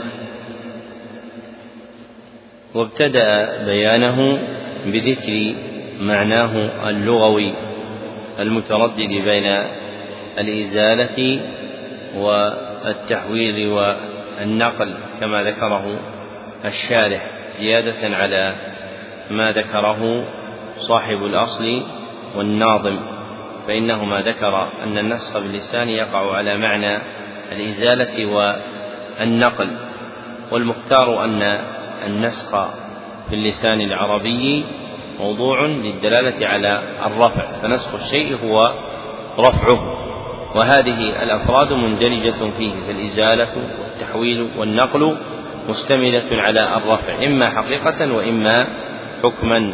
النسخ في اللسان هو الرفع. وأما حده الشرعي فقال فيه الشارح مستفيدا من النظم هو الخطاب الدال على رفع حكم حل أي نزل بخطاب حال كونه مقدما ثبوته على الخطاب بحكم الناسخ. وهذا الحد مما اعترض عليه أنه حد للناسخ لا للنسخ والمقدم تعريف النسخ وهو السمط الجامع لمتعلقات النسخ من ناسخ ومنسوخ وغير ذلك. والمقدم صناعة أن يقال إن النسخ شرعا هو رفع الخطاب الشرعي أو حكمه. أو هما معا. رفع الخطاب الشرعي أو حكمه أو هما معا بخطاب شرعي متراق. بخطاب شرعي متراخ وقولنا الخطاب الشرعي المراد به قول الله وقول رسوله صلى الله عليه وسلم. والتعبير عن هذا قديم يوجد في كلام الإمام أحمد وغيره وقولنا بخطاب شرعي متراخ أي متأخر عن الخطاب المتقدم عليه فمع التراخي تحقق النسخ. وذكر الشارح رحمه الله تعالى جملا من البيان المفصحة عن الاحترازات المستفادة من الحد الذي ذكره فقال ولولا ورود ناسخ لما تخلى. أي والحال أنه لولا ورود الخطاب الناسخ لما تخلى أي لما زال الحكم المنسوخ. فبورود الخطاب المتراخي زال الخطاب الشرعي أو حكمه أو هما معا. ثم قال ولا بد أن يكون أيضا مع تراخي الرافع الناسخ. قل أي مع تراخي الخطاب الناسخ عن الخطاب بالحكم المنسوخ في الزمن.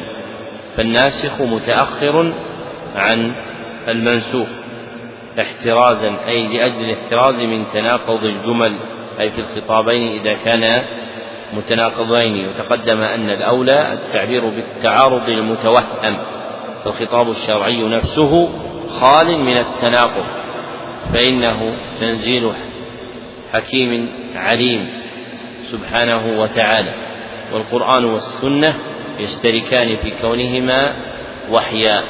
قال الله تعالى إن أتبع إلا ما يوحى إلي. وقال تعالى وما ينطق عن الهوى إن هو إلا وحي يوحى. قال شيخ شيوخنا حافظ الحكمي في الجوهر المكنون فسنة الرسول وحي ثاني عليهما قد أطلق الوحيان. ثم قال فقوله بخطاب حل مقدما ثبوته احترازا من رفع الحكم الثابت بغير خطاب بل براءة الأصلية وهي انتفاء الأحكام الشرعية في حقنا حتى يرد دليل من الشرع على رفعها. والمراد بانتفاء الأحكام الشرعية أي براءة ذمة العبد من شغلها بحكم شرعي.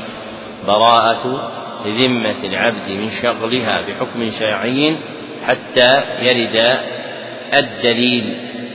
فمثل هذا إذا ورد الدليل عليه لا يسمى نسخا وإلا كانت الشريعة كلها ناسخة. ثم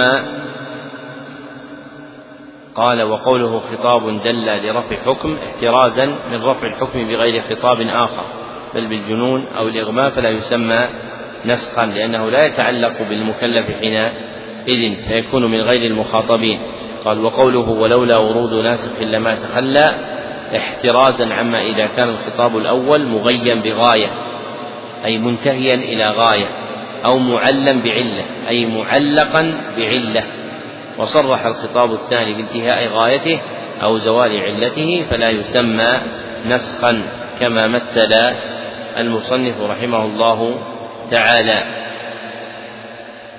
ثم ذكر رحمه الله تعالى مثالا للنسخ في خاتمة كلامه وهو قوله تعالى لكم دينكم ولي دين. فإنه منسوخ بآية السيف يعني قوله تعالى فاقتلوا المشركين حيث وجدتموهم. وهذا مذهب جماعة من أهل العلم أن الآية الأولى منسوخة بالآية الثانية وهي آية السيف. وذهب جمع إلى أنه لا نسخ بينهما وأن وأن الآية الأولى خرجت مخرج الوعيد والتهديد لا الإقرار والتأييد أن الآية الأولى خرجت مخرج الوعيد والتهديد لا الإقرار والتأييد وهو اختيار شيخ شيوخنا محمد الأمين الشنقيطي فقيل لهم تهديدا ووعيدا لكم دينكم ولي دين. ثم شرع المصنف رحمه الله تعالى يذكر مسائل أخرى تتعلق بالنسخ بعد الفراغ من بيان حقيقته. وابتدأ ذلك ببيان أقسام النسخ باعتبار متعلقه. في قوله وجاز نسخ الرسم دون الحكم إلى آخره.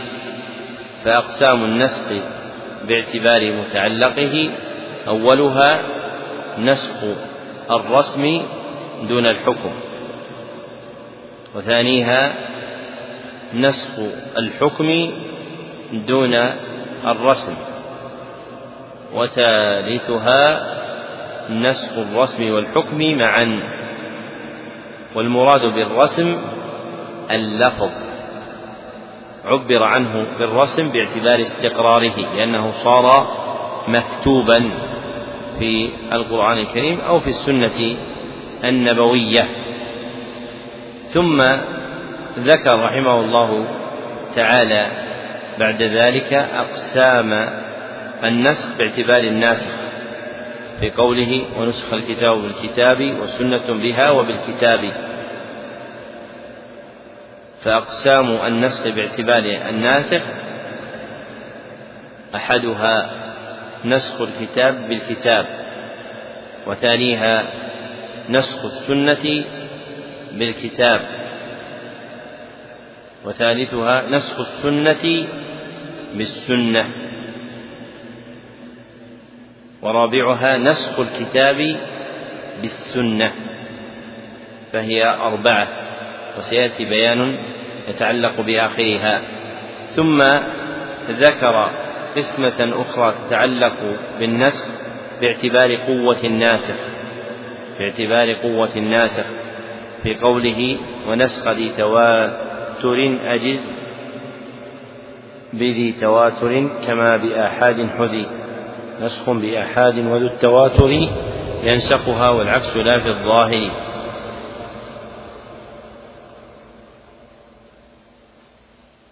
فالنسخ باعتبار قوة الناسخ أنواع أحدها نسخ المتواتر بالمتواتر وثانيها نسخ الآحاد بالمتواتر وثالثها نسخ الآحاد بالآحاد ورابعها نسخ المتواتر بالآحاد نسخ المتواتر بالآحاد واختلف فيه واختار المصنف أنه لا يجوز في القول الأظهر لأنه أضعف منه سندا والأضعف لا ينسخ الأقوى.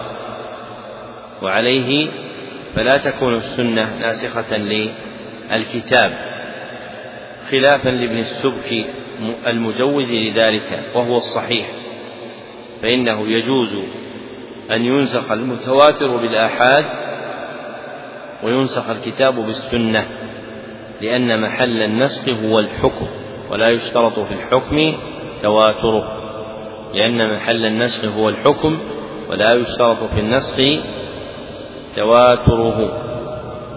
ومع تجويزه شرعا فإنه ممتنع وقوعا ومع تجويزه شرعا فإنه ممتنع وقوعا. فنسخ المتواتر بالآحاد ومنه نسخ الكتاب بالسنة جائز شرعا إلا أنه ممتنع وقوعا ولا يسلم شيء مما ذكره الممثلون لهذا النوع من الاعتراض.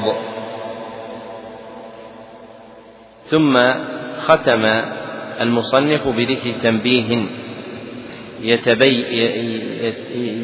يبين به أقسام النسخ باعتبار المنسوخ إليه. يبين فيه أقسام النسخ باعتبار المنسوخ إليه وأنه ينقسم إلى قسمين. أحدهما النسخ إلى بدل والآخر النسخ إلى غير بدل. أحدهما النسخ إلى بدل والآخر النسخ إلى غير بدل والأول وهو النسخ إلى بدل قد يكون نسخا بالأخف أو بالمساوي أو بالأثقل. قد يكون نسخا بالأخف أو المساوي أو الأثقل. ومثل المصنف رحمه الله تعالى لكل. نعم. أحسن عليكم. قال رحمه الله تعالى فصل في بيان كيفية الجمع والترجيح بين الدليلين إذا تعارضا. قال الناظم رحمه الله تعالى فصل وإن نطقان قد تعارضا واستويا في, قوة, في قوة فليفرضا. ذوي عموم أو خصوص أو يعم. هذا وهذا بخصوص متسم. قال الشارح رحمه الله تعالى إذا تعارض نطقان أي دليلان من الكتاب والسنة فليقدرا ذوي عموم أي عمين أو خصوصين أو خصوص أي خصين أو يعم هذا وهذا بخصوص متسم. أي ويكون أحدهما عاما والآخر خاصا. قال الناظم رحمه الله تعالى أو كل واحد يعم من جهة كما يخص عن أخيه من جهة. قال الشارح رحمه الله تعالى أي ويكون كل واحد منهما عاما من جهة أي أعم من صاحبه من جهة كما أنه أخص منه من جهة أخرى بأن كان بينهما العموم الوجهي. قال الناظم رحمه الله تعالى فإن يكون في العموم اجتمعا وأمكن الجمع بوجه فاجمعا. فإن تعذرا وتاريخ جهيل فالوقف أولى فيهما بالمحتفل قال الشارح رحمه الله تعالى يعني أن الخبرين المتعارضين إذا اجتمعا في العموم بأن كان كل واحد منهما يعم الآخر من كل جهة بحسب, بحسب اللغة فإنهما يجب الجمع بينهما إذا أمكن. وذلك بأن يحمل كل, كل منهما على حال لم يحمل عليه الآخر. كحديث مسلم ألا أخبركم بخبر الشهداء الذي يأتي بالشهادة قبل أن يسألها وخبر, وخبر الصحيحين؟ وخبر الصحيحين خيركم قرني ثم الذين يلونهم ثم الذين يلونهم ثم يكون بعد بعدهم قوم يشهدون قبل أن يستشهدوا. فقد جمع الفقهاء بينهما بأن حملوا الأول على ما إذا على ما إذا كان المشهود له غير عالم بالشهادة فيؤمر الشاهد بأن يشهد له قبل أن يسألها منه قبل أن يسألها منه. وحمل الثاني على ما إذا كان المشهود له عالم بالشهادة. وحمل بعضهم الحديث الأول على ما إذا كان في الشهادة حق لله كالطلاق والعتق والثاني على غير ذلك. فإن تعذر أي الجمع بين الدليلين العامين وتاريخ جهل أي وجهل التاريخ بينهما بأن لم يعلم المتقدم منهما من المتأخر فالوقف أولى فيهما المتقدم منهما من المتأخر فالوقف أولى فيهما بالمحتفل. فالأولى التوقف عن العمل بواحد منهما حتى يوجد مرجح لأحدهما على الآخر. كقوله تعالى وما ملكت أيمانكم وقوله تعالى وأن تجمعوا بين الأختين فإن الآية الأولى تدل على جواز وطء الأختين بملك اليمين والثانية تدل على تحريمه لأن الأختين لفظ عام في جمع في جمع الأختين بالنكاح وجمعهما بملك اليمين. ولذا توقف عثمان بن عفان رضي الله عنه في جمع الأختين بملك اليمين وقال أحلتهما آية وحرمتهما آية. وأفتى مالك بتحريم الجمع بينهما عاملا بالآية الثانية لأنها ترجحت عنده بسبب, بسبب موافقتها للأصل لأن الأصل في الأبضاع التحريم فإن لم يوجد مرجح, مرجح لأحدهما على الآخر تساقطا ووجب الرجوع إلى البراءة الأصلية. قال الناظم رحمه الله تعالى وانسخ بما تأخر المقدما ورودا ورودا آخر ذين علما. قال الشارح رحمه الله تعالى وإذا علم آخر ذين أي الدليلين المتعارضين اللذين بينهما العموم المطلق ولم يمكن الجمع بينهما فانسخ المقدم منهما ورودا أي نزولا بالمتأخر أي كما في آيتي عدة الوفاة وآيتي مصابرة العدو وهما قوله تعالى إن يكن منكم عشرون صابرون يغلبوا مئتين الآية وقوله تعالى الآن خفف الله عنكم الآية فإن الأولى منسوخة بالثانية. قال الناظم رحمه الله تعالى وفي تعارض ذوي خصوص تعمل ما قدمت في المنصوص وحيث ما تخالف فذا العموم بذي الخصوص خصصا غير ملوم. قال الشارح رحمه الله تعالى أي وإذا كان الدليلان المتعارضان ذوي خصوص بأن, بأن كان كل منهما أخص من الآخر من كل وجه فإنك تعمل فيهما مثل ما تقدم لك منصوصا في العامين والمتعارضين. وذلك أن تجمع بينهما إن أمكن الجمع كحديث الصحيحين أن رسول الله صلى الله عليه وسلم توضأ وغسل رجليه. وحديث النسائي والبيهقي أنه صلى الله عليه وسلم توضأ ورش الماء على قدميه وهو في النعلين. فجمع بينهما بأن الرش في حال التشديد لأنه روي في بعض الطرق وأن هذا وضوء من لم يحدث. وقيل المراد بالوضوء في حديث الغسل الوضوء الشرعي وفي حديث الرش الوضوء اللغوي. وقيل إنه غسلهما في النعلين وسمى ذلك رشا مجازا وإن لم يمكن الجمع بينهما وجهل التاريخ توقف فيهما إلى ظهور مرجح كحديث أبي داود أنه صلى الله عليه وسلم سئل عما يحل للرجل من امرأة الحائض فقال ما فوق الإزار. وحديث مسلم بأنه صلى الله عليه وسلم قال اصنعوا كل شيء إلا النكاح أي الوطأ فدخل فيه التمتع بما تحت الإزار فرجح بعض العلماء التحريم احتياطا وهم المالكية والشافعية. وبعضهم الحلة أي جواز التمتع بما بين سورة زوجته الحائض وركبتها إلا الوطأ. وإن علم التاريخ بينهما بأن علم المتأخر منهما تعين نسخ المتقدم به كنسخ قوله تعالى كتب عليكم إذا حضر أحدكم الموت إلى آخره بقوله صلى الله عليه وسلم لا وصية لوارث لأنه متأخر عنه وحيث ما تخالف أي الدليلان المتعارضان بأن كان أحدهما عاما والآخر خاصا أو أحدهما مطلقا والآخر مقيدا فذا العموم بذي الخصوص خصيصا غير ملوم. أي فخصص الدليل العام بالدليل الخاص أي يقضي عليه به وقيد الدليل المطلق بالدليل المقيد. المقيد أي يحمله عليه. مثال الأول قوله صلى الله عليه وسلم في مساقة السماء والعشر فإنه عام في في الخمسة أوسق وما دونها فخصص فخصص بقوله صلى الله عليه وسلم ليس فيما دون خمسة أوسق صدقة. والثاني كقوله تعالى واللاتي تخافون نشوزهن فعظوهن واهجروهن في المضاجع واضربوهن فإن قوله تعالى اضربوهن مطلق يصلح للضرب المبرح وغيره فقيد بقوله صلى الله عليه وسلم اضربوهن ضربا غير مبرح. قال الناظم رحمه الله تعالى وخص ذا العموم وخص ذو العموم من وجه وخص ذو العموم من وجه كما يخص من وجه بمثل, بمثل فعل ما. قال الشارح رحمه الله تعالى يعني أن الدليلين المتعارضين إذا كان بينهما العموم الوجهي فإن كان واحد منهما يخصص الآخر أمكن ذلك. وتقرير بيت الناظم وخص الدليل ذو العموم من وجه من وجه الخاص من وجه آخر بمثله كحديث أبي داود إذا بلغ الماء قلتين فإنه لا ينجس. مع حديث ابن ماجه الماء لا ينجسه شيء لما غلب على ريحه ولونه وطعمه فالحديث الأول خاص بالقلتين عام في المتغير وغيره والثاني خاص بالمتغير عام في القلتين ودونهما فيخصص عموم الأول بخصوص الثاني فتكون القلتان لا تنجسان إلا بالتغير ويخص عموم الثاني بخصوص الأول فيكون, فيكون ما دون القلتين ينجس وإن لم يتغير. وهذا مذهب الشافعي وأما نحن فرجحنا الحديث الثاني لأنه نص في أن الماء قل قليله وكثيره لا ينجس إلا بالتغير والحديث الأول إنما يعارضه بمفهومه لأن مفهومه أن ما دون القلتين ينجس ولو لم يتغير. وإن لم يمكن تخصيص عموم كل منهما بخصوص الآخر نظر في التاريخ فإن علم المتأخر منهما فهو ناسخ للأول. وإن جهل احتيج إلى الترجيح فيعمل بالراجح منهما كحديث البخاري من بدل دينه فقتلوه مع حديث الصحيحين أن رسول الله صلى الله عليه وسلم نهى عن قتل النساء والصبيان فالأول عام في الرجال والنساء خاص بأهل الردة والثاني خاص بالنساء عام في الحربيات والمرتدات. فتعارض في المرتدة هل تقتل أم لا؟ وقد رجح الملكية بقاء الأول على عمومه في المرتد والمرتدة وأنها لا تقتل لأنه متضمن للحكم الذي هو إجاب حكم القتل والعلة وهي تبديل الدين. بخلاف الثاني فإنه متضمن للحكم فقط ولأن قتل المرتدة ورد به حديث آخر وهذا ومعنى قول الناظم. بشرط الإمكان, بشرط الإمكان وإن تعذرا فاطلب مرجحا كما تقرر. أي محل تخصيص كل من الدليلين اللذين بينهما العموم والوجهي بالآخر. إن أمكن الجمع وإلا يمكن وإلا يمكن بل تعذر الجمع وجول التاريخ فاطلب. أيها المجتهد مرجحا بينهما من المرجحات المقررة في الكتب. فعقد المصنف رحمه الله تعالى فصلا ذكر فيه مطلبا من المطالب الأصولية المنتظمة في كتاب الورقات المعقود شعرا فقال فصل في بيان كيفية الجمع والترجيح بين الدليلين إذا تعارضا. ومحل التعارض كما تقدم هو نظر المجتهد لا الدليل نفسه. فيقال ما توهم تعارضهما أي باعتبار نظر المجتهد فيهما لا بالنظر إليهما. وهذا المقام يسمى عند الأصوليين بالتعارض ويسميه بعضهم بالتعادل وهو اصطلاحا تقابل الدليلين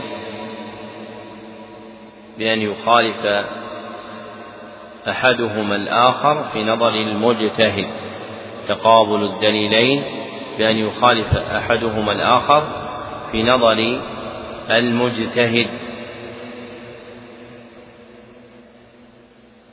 وهذا التعارض المتوهم له أربعة أنواع.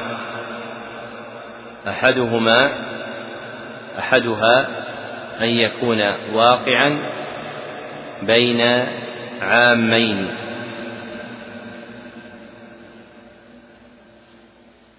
والآخر وثانيها أن يكون واقعا بين خاصين.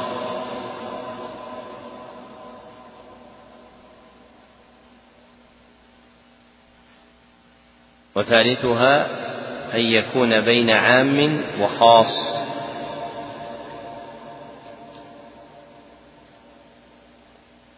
ورابعها أن يكون بين عام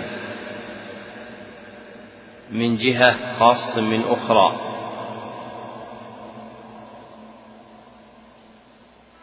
مع مقابل له. في عمومه من جهة وخصوصه من أخرى فيكون بين شيئين دخلهما العموم والخصوص باعتبارين منفردين.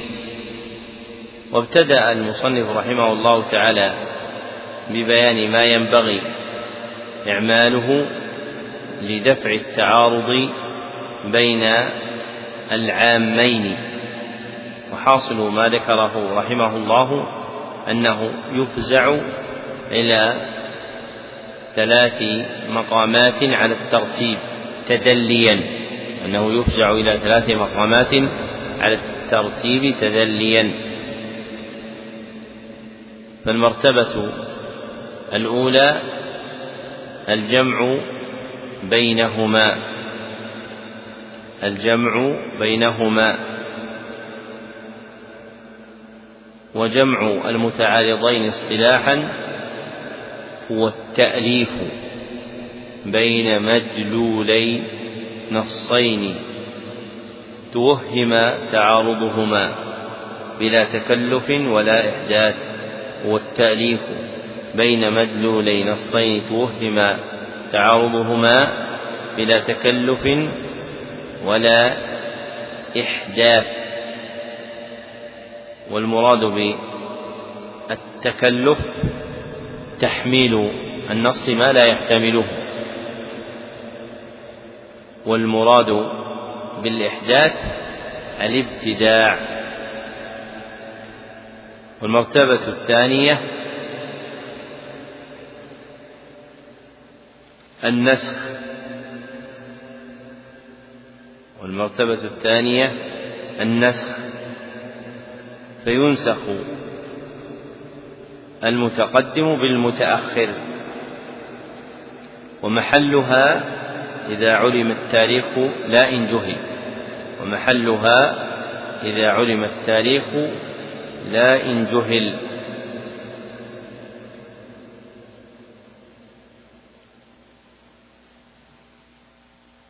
والمرتبة الثالثة الترجيح.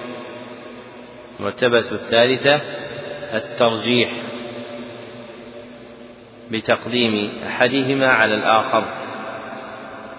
فالترجيح اصطلاحا هو تقديم أحد مدلولي النصين.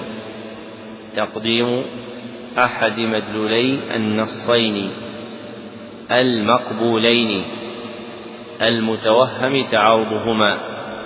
تقديم أحد مدلولي النصين المقبولين المتوهم تعارضهما عند تعذر الجمع والنسخ بدليل عند تعذر الجمع والنسخ بدليل.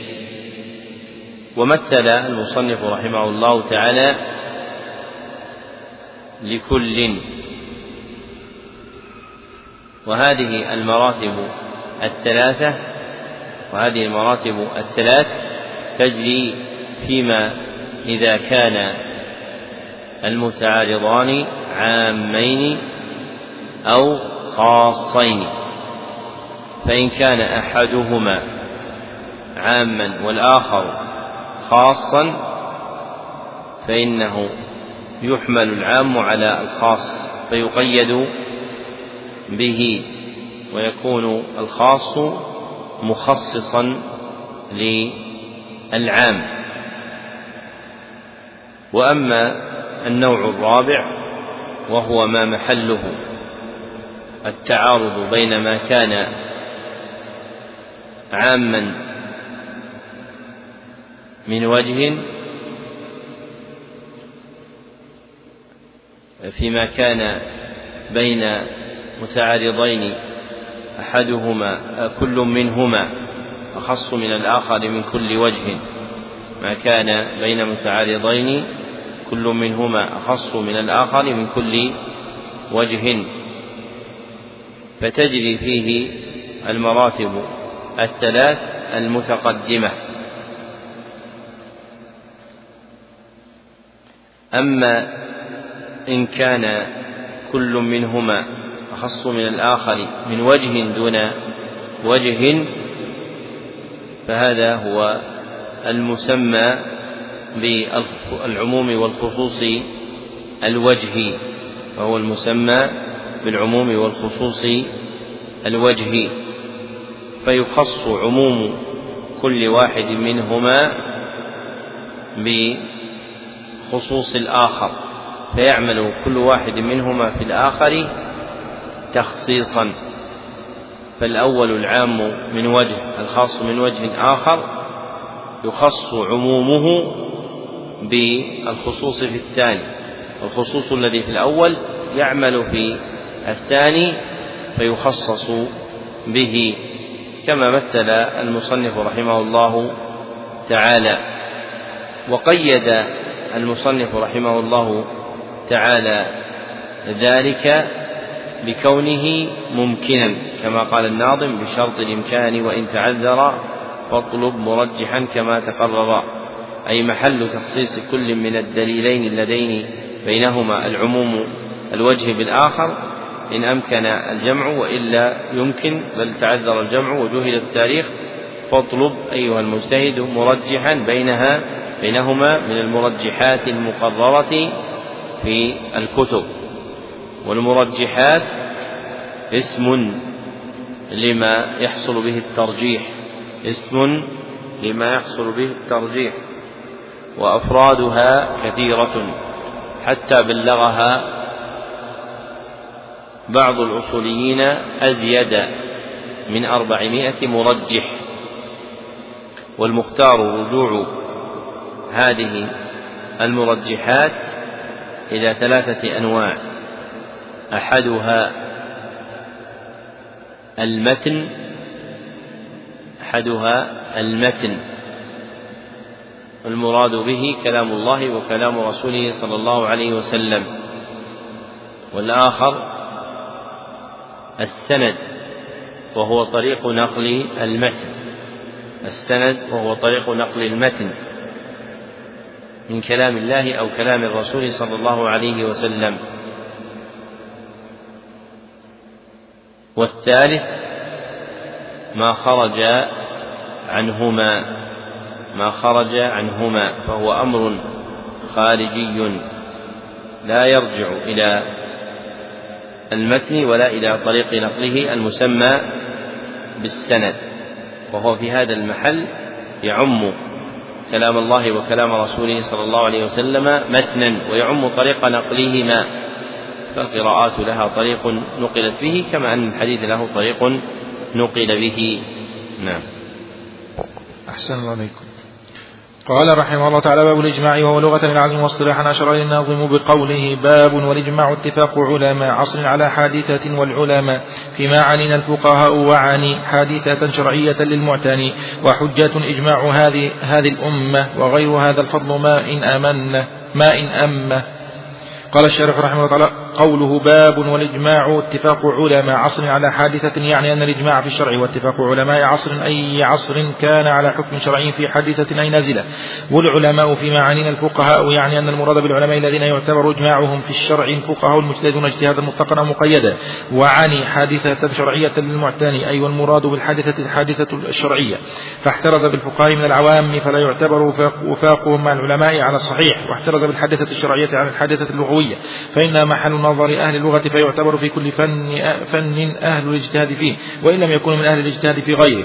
واعتبر القاضي وثاق العوام مع المجتهدين ورد عليه بأن قول العامي بلا مستند خطأ والخطأ لا عبرة به ولا عبرة بأهل البدع المكفرين ببدعتهم في ببدعتهم في الإجماع ولا ينعقد مع مخالفة مجتهد واحد من أهل السنة. وقال ابن خويز من داد لا يضر لا يضر خروج الواحد والاثنين ويعتبر مع الصحابة وفاق التابعين الموجود, الموجود حين إجماعهم متصفا بصفة الاجتهاد. قوله وحجة إجماع هذه الأمة يعني أن إجماع المجتهدين من هذه الأمة في أي عصر حجة شرعية وغير هذا الفضل ما إن أمه يعني أن غير هذه الأمة لم يؤمه, لم يؤمه هذا الفضل أي لم يعطه الله إياه. قال الناظم رحمه الله تعالى لقول طه أمتي لا تجتمع على ضلالة حديث مرتفع. قال الشارح رحمه الله تعالى أي لقول النبي صلى الله عليه وسلم أمتي لا تجتمع على ضلاله.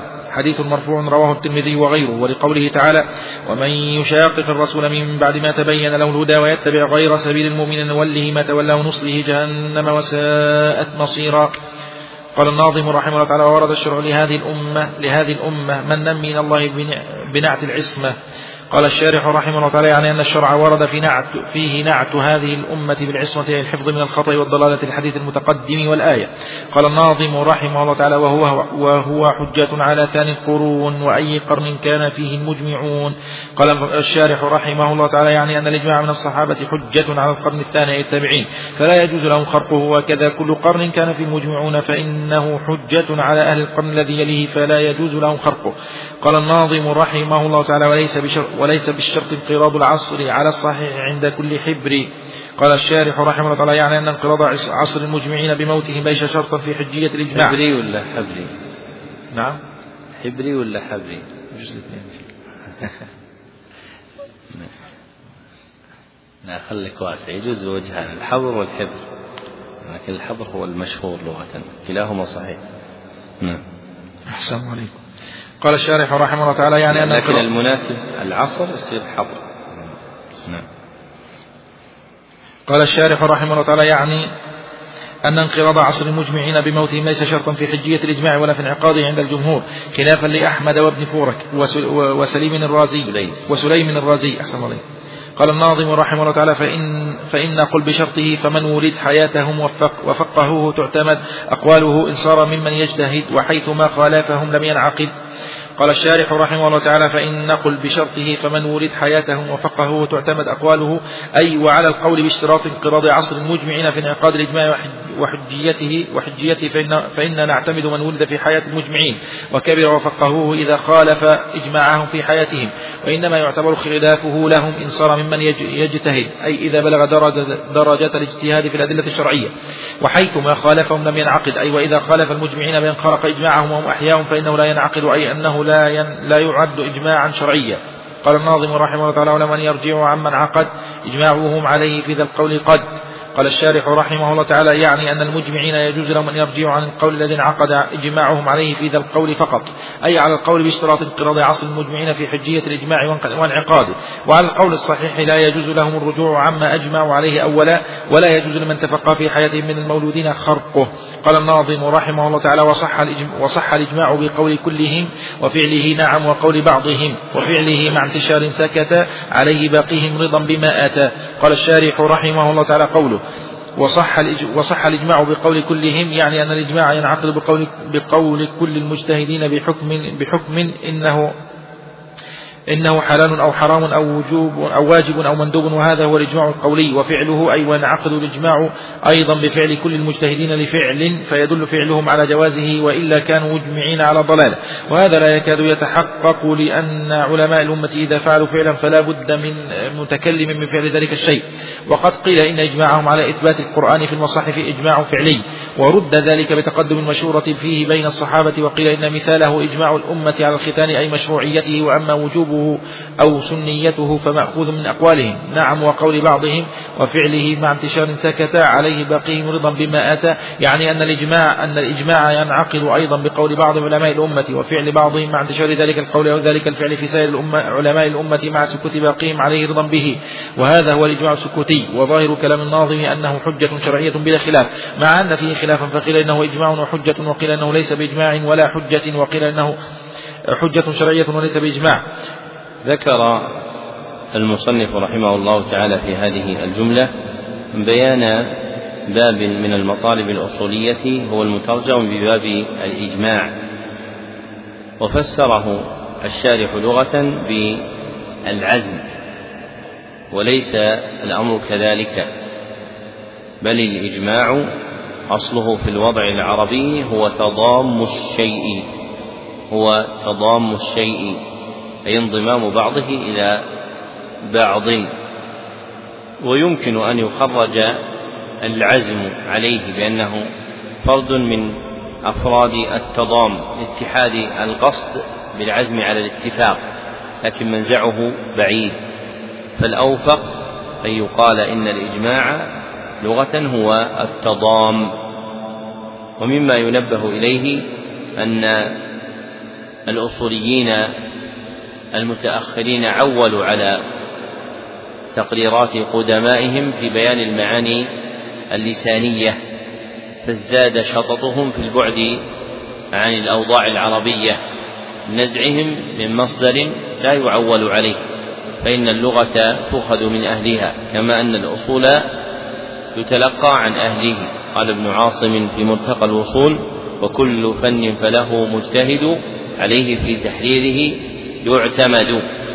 ومن المضحك المبكي تقاطر متأخر الأصوليين على عزو المعاني اللغوية في نشر الكتب المتأخرة إلى كتب أصولية ولا ينبغي أن يكون كذلك بل ينبغي أن تعزى المعاني اللغوية إلى معاجم المواضعة العربية إما المتقدمة كالصحاح والعين أو المتأخرة كالقاموس واللسان. ثم ذكر أن الإجماع اصطلاحا هو المشار إليه في قول الناظم باب والإجماع اتفاق علماء عصر على حادثة والعلماء إلى آخره. وذكر في شرحه أن الإجماع في الشرع واتفاق علماء عصر أي عصر كان والمراد بالعصر المدة الزمنية المعينة. على حكم شرعي في حادثة أي نازلة والعلماء المراد بهم الفقهاء المجتهدون اجتهادا مطلقا أو مقيدا. فالإجماع شرعا واتفاق علماء عصر من عصور أمة محمد صلى الله عليه وسلم بعد موته. اتفاق علماء عصر من عصور أمة محمد صلى الله عليه وسلم بعد موته على حكم شرعي. ثم ذكر رحمه الله تعالى أن الفقهاء أن العوام لا يعتبر وفاقهم لأن العامية لا مستند له لخفاء العلم عليه فلا يعول على قوله.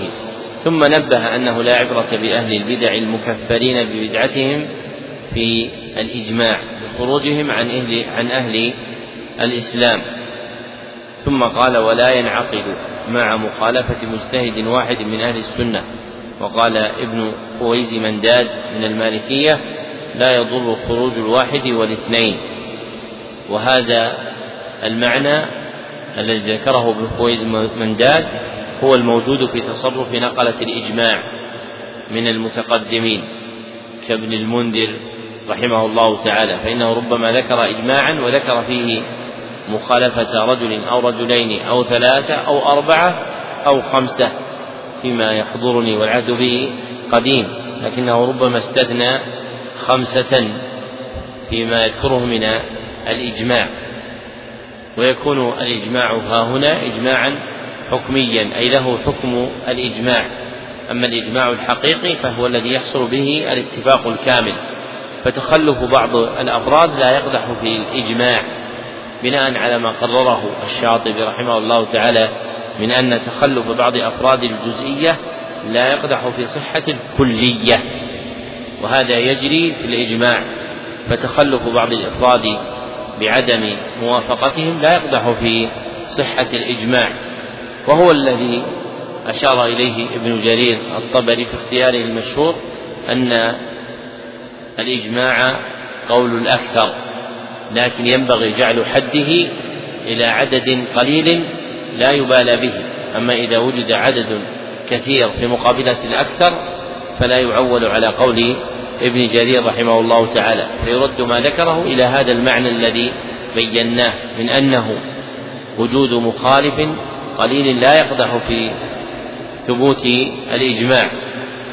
ثم قال ويعتبر مع الصحابة وفاق التابع الموجود حين إجماعهم متصلا بصفة الاجتهاد لأنه من أهله وتخلفه في الطبقة بكونه بعدهم لا يعني إسقاطه من الاعتداد بقوله في الاجتهاد إذا بلغ مبلغه فيه. ثم بين أن إجماع هذه الأمة حجة وهذا فضل تفضل الله به على هذه الأمة دون غيرها. وذكر الناظم مستنده بقوله لقول طه أمتي لا تجتمع على ضلالة حديث مرتفع. والمراد بطه النبي صلى الله عليه وسلم. وطه هي من لسان الحبشة والمراد بها يا رجل وليست اسما للنبي صلى الله عليه وسلم. تقدير الآية طه ما أنزلنا عليك القرآن لتشقى. أي يا أيها الرجل ما أنزلنا عليك القرآن لتشقى.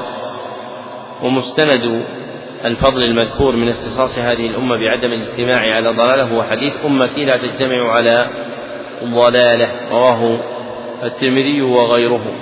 من وجوه لا يسلم شيء منها من ضعف لكن يحصل له بمجموعها قوة فيحتمل التحسين بل قطع بعضهم بصحته ويصدقه دراية قوله تعالى ومن يشاقق الرسول من بعد ما تبين له الهدى ويتبع غير سبيل المؤمنين نوله ما تولى الآية فهذه الآية أصل إجماع استنبطه منها الشافعي رحمه الله تعالى. رواه عنه البيهقي في أحكام القرآن وله قصة مذكورة فيه وسبيل المؤمنين هو الإجماع. ثم ذكر أن الشرع ورد بعصمة هذه الأمة أي بحفظها من الخطأ والضلال فلا تتقاطر مجتمعة عليه. ثم بين أن الإجماع حجة على القرن الذي يلي المجمعين. كإجماع الصحابة حجة على التابعين. وكذا إجماع كل إجماع كل قرن حجة على ما بعده. ويقال في بيان ذلك إجماع القرن الأول حجة على الثاني. ويعم هذا الصحابة والتابعين ومن بعدهم. ثم بين أن انقراض عصر المجمعين أي موتهم ليس شرطا في حجية الإجماع ولا في انعقاده عند الجمهور. فإذا وقع الإجماع ثبت ولا يلزم موت المجمعين خلافا لأحمد في رواية وابن فورك وسليم الرازي من الشافعية. ثم ذكر مسألة متفرعة على اشتراط انقراض عصر المجمعين. فقال وعلى القول باشتراط انقراض عصر المجمعين في انعقاد الإجماع وحجيته فإننا نعتمد من ولد في حياة المجمعين وكبر وفقهوه أي صار موصوبا بالفقه إذا خالف إجماعهم في حياته. وإنما يعتبر خلافه لهم إن صار ممن يجتهد أي إذا بلغ درجة الاجتهاد في الأدلة الشرعية. وحيثما خالفهم لم ينعقد أي وإذا خالف المجمعين بأن خرق إجماعهم وهم أحياء فإنه لا ينعقد أي أنه لا يعد إجماعا شرعيا. أي إذا نشأ في القرن التالي بعد انعقاد الإجماع من خالف أولئك المجتهدين حال بقائهم أو بقاء بعضهم لم يموتوا فعلى عدم اشتراطه يكون ناقضا للإجماع قادحا فيه. والصحيح أن الإجماع إذا انعقد صار حجة على المجمعين وعلى غيرهم ممن يكون بعدهم ولو أدرك عصرهم. ثم قال ولهم أن يرجعوا عمن عقد إجماعهم عليه في ذا القول قد قال الشارح يعني أن المجمعين يجوز لهم أن يرجعوا عن القول الذي انعقد إجماعهم عليه في ذا القول فقط أي على القول باشتراط انقراض عصر المجمعين في حجية إجماع وانعقاده. وعلى القول الصحيح لا يجوز لهم الرجوع عما أجمعوا عليه أولا ولا يجوز لمن تفقه في حياة من المولودين خرقه لأن الإجماع إذا ثبت صار حجة على أهله وغيرهم. ثم ذكر أن الإجماع ينعقد بالقول وينعقد بالفعل والمراد بانعقاده بالقول ثبوته بقول كل المجتهدين وانعقاده بالفعل دلالة فعل المجتهدين عليه لأن المجتهدين لا يجتمعون على ضلالة بفعلهم. ولو قدر منهم فعل مخالف فإنه لا بد أن ينشأ في المسلمين من يقيم الحجة عليهم بإبطال فعلهم. ثم ذكر المصنف رحمه الله تعالى مثالا على الإجماع الفعلي وهو الإجماع على إثبات القرآن في المصاحف ورد ذلك بتقدم المشورة فيه بين الصحابة يعني أنه سبقته مشورة فكان إجماعا قوليا أنتج رسم المصحف وهذا الرد وإن كان ممكنا القول به في كتابة المصحف على وجه الإجمال إلا أنه يتعذر تأخير الإجماع الفعلي عن بعض متعلقاته على التفصيل كإثبات البسملة في فواتح السور سوى براءة فهذا إجماع فعلي منهم في رسم المصحف. وقيل أيضا إن مثله إجماع الأمة على الختان أي على مشروعيته إما وجوبه وإما سنيته على مشروعيته أي الإذن به. أما كونه واجبا أو ندبا فهذا مأخوذ من أقوالهم. فالفعل دال على إجماع فعلي في كونه مشروعا ومثل هذا في الإجماع الفعلي كون المؤذن يستقبل القبلة إذا أذن فإن هذا من الإجماع الفعلي ولم يثبت فيه حديث نبوي في أشياء أخرى من في أشياء أخرى ثبتت بالإجماع الفعلي. ثم ذكر بعد ذلك أن الإجماع ينعقد بقول بعض العلماء وفعل بعضهم مع انتشار ذلك القول أو ذلك الفعل ويسمى هذا إجماعا سكوتيا لتضمنه تكلم بعضهم بقول أو صدور فعل منه وسكوت الباقين عنه. واختلف فيه هل هو إجماع وحجة أو ليس بإجماع ولا حجة أو حجة وليس إجماعا والصحيح أنه إجماع. وحجة وهذا مذهب مالك والشافعي ورواية ورواية عن الإمام ورواية عن الإمام أحمد رحمه الله تعالى فيكون إجماعا محتجا به وكثير من أنواع الإجماع تكون من هذا الجنس. نعم. أحسن الله عليكم. قال الناظم رحمه الله تعالى وليس قول الصحابي الواحد الصحابي بحجة نعم عدا الأصحاب. قال الشارح رحمه الله تعالى يعني أن قول الصحابي الصادر عن اجتهاده ليس بحجة شرعية على غيره من المجتهدين مطلقا لا على الصحابي ولا على غيره. نعم وقيل هو حجة شرعية على من عدا الأصحاب وهو المجتهد التابعي وغيره إلى هلم جر قال الناظم رحمه الله تعالى قال بذاك الشافعي في الجديد وشهروه ودعوه بالسديد. قال الشارح رحمه الله تعالى يعني أن القول الأول وهو القول بأن قول الصحابي الصادر عن اجتهاد ليس بحجة شرعية على غيره من المجتهدين مطلقا وهو قول الشافعي في الجديد أي الأخير وشهره الشافعية ودعوه بالسديد أي المصيب. وقول الشافعي القديم المرجوع عنه أن قول الصحابي حجة على المجتهد المتبعي ومن بعده دون المجتهد الصحابي وهذا هو مذهب مالك لقوله صلى الله عليه وسلم أصحابي كالنجوم بأيهم اقتديتم اهتديتم ذكر المصنف رحمه الله تعالى هنا بابا آخر من أبواب أصول الفقه أدرجه في الإجماع تبعا لأصله وهو قول الصحابي. وذكر الشارح أن قول الصحابي الصادر عن اجتهاد الصادر عن اجتهاده ليس بحجة شرعية على غيره من المجتهدين مطلقا لا على الصحابي ولا على غيره. وقيل هو حجة على من عدا الصحابة يعني من التابعين وغيرهم. وعزى ذلك إلى الشافعي في القول الجديد. وشهروه في نسبته إليه ودعوه بالسديد. والمراد بالمذهب الجديد للشافعي واختاره رحمه الله تعالى في مصر.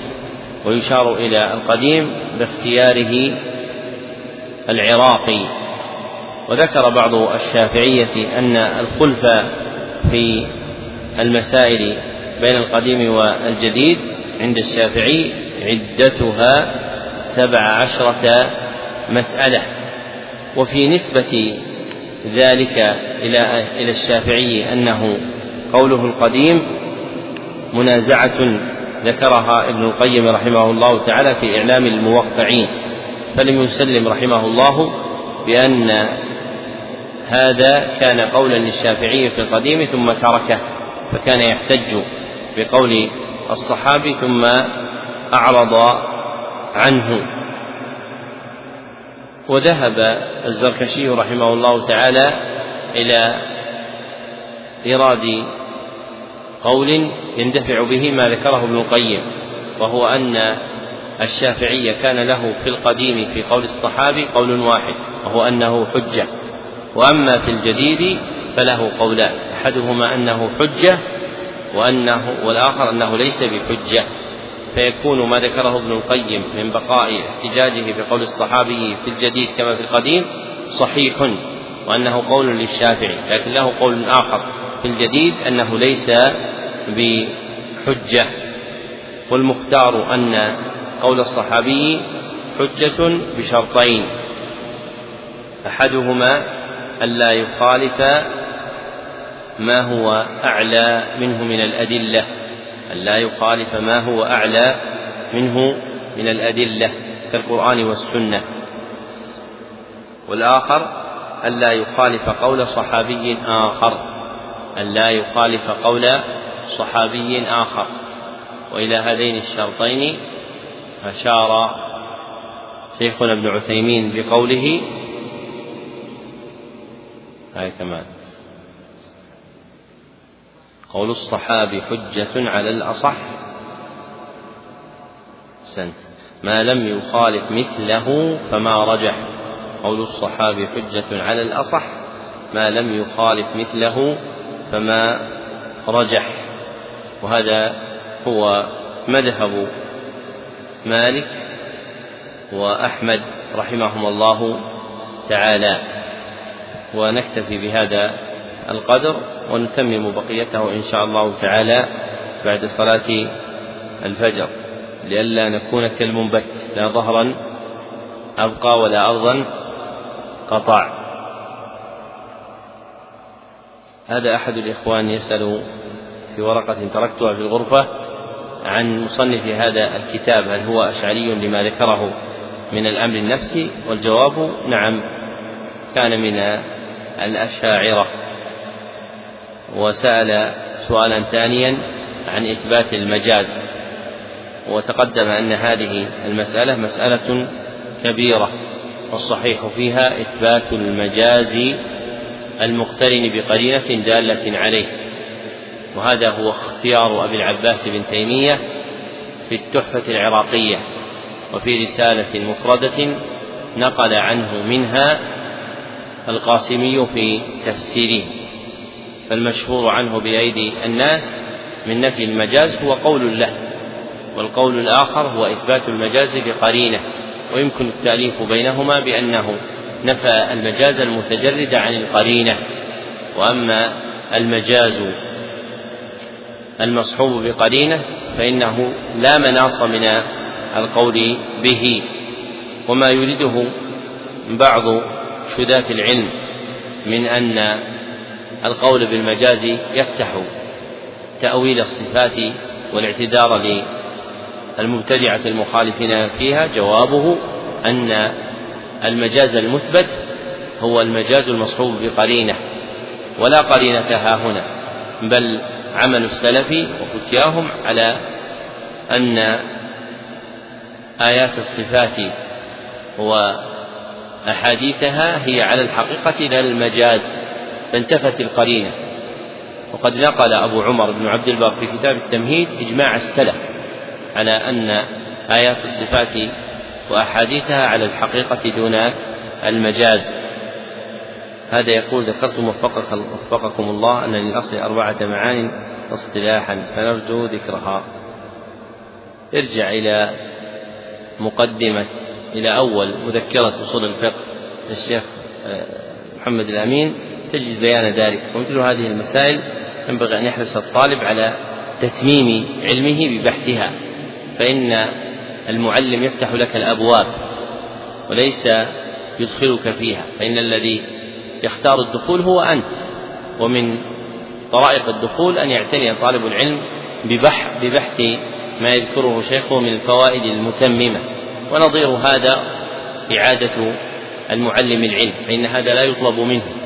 وإنما يستفاد هذا من القرين فمن الخطأ في أدب العلم أن يستعيد المتعلم العلم من المعلم ويتأكد هذا في هذه الأزمنة التي صار من الممكن حفظ العلم صوتا ثم إعادة سماعه مرة ثانية. يقول هذا السائل إذا تعارض حقيقة شرعية وأخرى عرفية فالأولى في التقديم الأولى باعتبار الخطاب الشرعي هو تقديم الحقيقة الشرعية لأنها عرف خطاب الشرع فعرف خطاب الشرع أي المعروف فيه مقدم على غيره وهو اختيار أبو العباس أبي العباس بن تيمية رحمه الله تعالى وغيره. قال ذكرتم أن أن من عد الترتيل من أنواع قراءة القرآن أنه متوهم فهل يمكن توجيه ذلك؟ بأن يقال بأنه متخيل المقصود من ضرب المثال هو الإنباه إلى أن جعل الترتيل قسيما للحد والتدوير والحقيق والتحقيق لا وجود له فهو توهم. وأما الحكم على القائل بأنه متوهم أو متخيل هذا لا يهمنا. يهمنا أن تعرف أن الأمر ما قال شيخنا إبراهيم السمنودي وقسم الترتيل في التحقيق للحدر والتدوير والتحقيق. يقول كيف ينظم الطالب وقته؟ وكيف يوفق بين دراسته النظامية ودراسته على المشايخ؟ ينظم الطالب وقته برعاية المطالب المرجو حصولها دون ملاحظة توقيتها بوقت فإن التوقيت بوقت مما يعسر على عموم الخلق.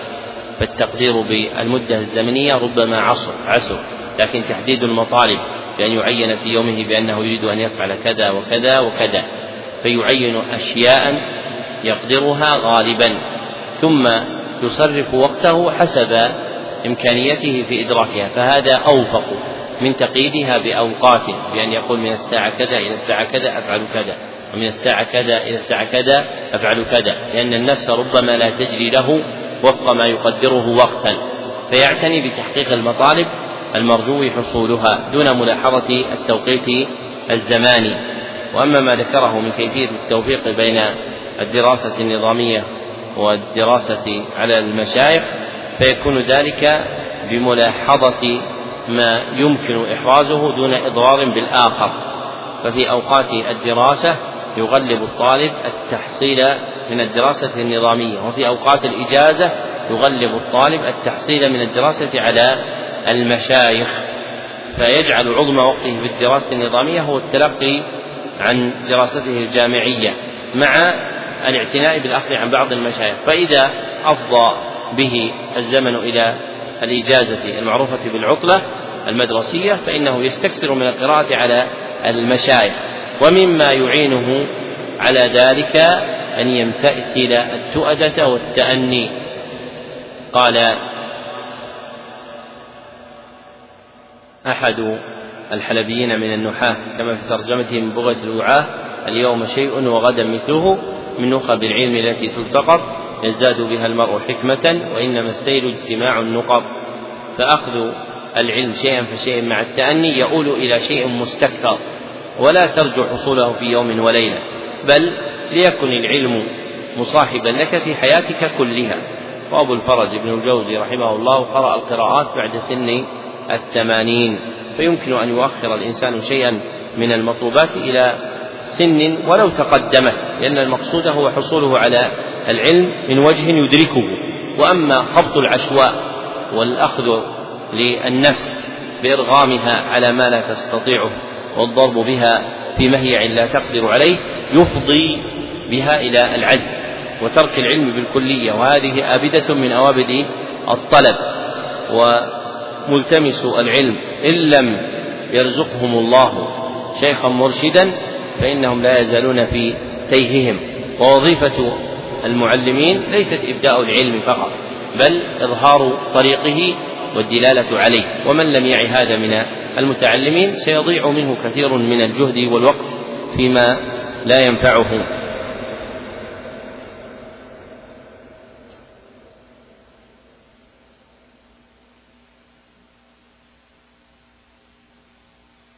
يقول هل الصواب ضجعة النبي صلى الله عليه وسلم بالفتح أو بالكسر؟ ضجعة.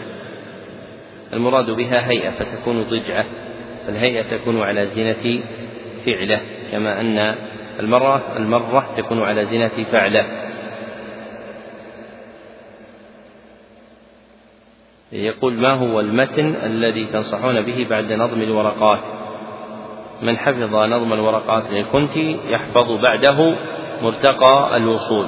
فإن مرتقى الوصول لإمام النحرير وعالم كبير هو ابن عاصم الغرناطي تلميذ الشاطبي وهو متمكن في علم أصول الفقه وله مرتقى الوصول وله كتاب أكبر منه وهو مهيع الوصول وله كتاب كبير اسمه نيل المنى في أربعة آلاف بيت تقريبا نظم فيه الورقات بمباحثها الأصولية والمقاصدية. فحفظ مثل هذا المثل لهذا العالم أنفع لأنه خلصه مما مازج علم أصول الفقه من الأجنبي عنه. قال رحمه الله حاشيتها من لغة ومنطق حرصا على إيضاح أهدى الطرق. يقول هل تنصحون بحفظ زاد المستقنع أم ماذا في الفقه؟ ننصح أن يحفظ كل طالب المتن المعتمد في مذهبه فالحنبلي يحفظ المتن المعتمد في مذهبه والشافعي يحفظ المتن المعتمد في مذهبه والمالكي يحفظ المتن المعتمد في مذهبه والحنفي يحفظ المتن المعتمد في مذهبه لأن المقصود من هذه المتون اتخاذها آلة لفهم الكتاب والسنة وتفهيمها الناس ولا يتمكن المرء من تفهيم الناس في موطنه إلا إذا وافق تفقهه المذهب الذي هم عليه فإن كانوا حنابلة وافقهم أو كانوا شافعية وافقهم أو كانوا مالكية وافقهم أو كانوا حنفية وافقهم.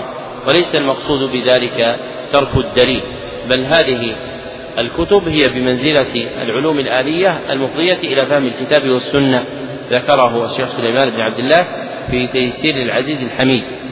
والحنابلة المتأخرون تتخاطفهم ثلاثة متون في تقديمها. هي زاد المستقنع ودليل الطالب وعمدة الطالب والمقدم منها هو دليل الطالب.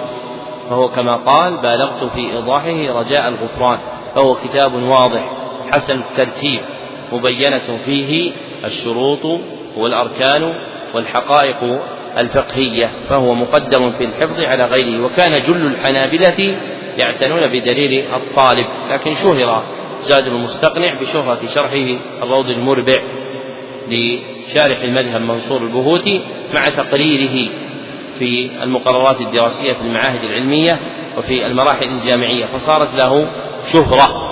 وإذا أمكن أن يحفظ دليل الطالب مع ضم زيادات زاد المستقنع وعمدة وعمدة الطالب للبهوت عليه فهذا أحسن ما يكون. ونرجو أن يهيئ الله عز وجل كتابا في ذلك يجمع بين هذه المتون الثلاثة يكون عمدة للحفظ والفهم لمذهب الحنابلة. لقاؤنا غدا إن شاء الله تعالى بعد صلاة الفجر في استكمال هذا الكتاب. ثم يكون الكتاب الثاني بعد العصر والمغرب والعشاء. وفق الله الجميع ما يحب الحمد لله رب العالمين. صلى الله وسلم على عبده ورسوله محمد وآله وصحبه أجمعين.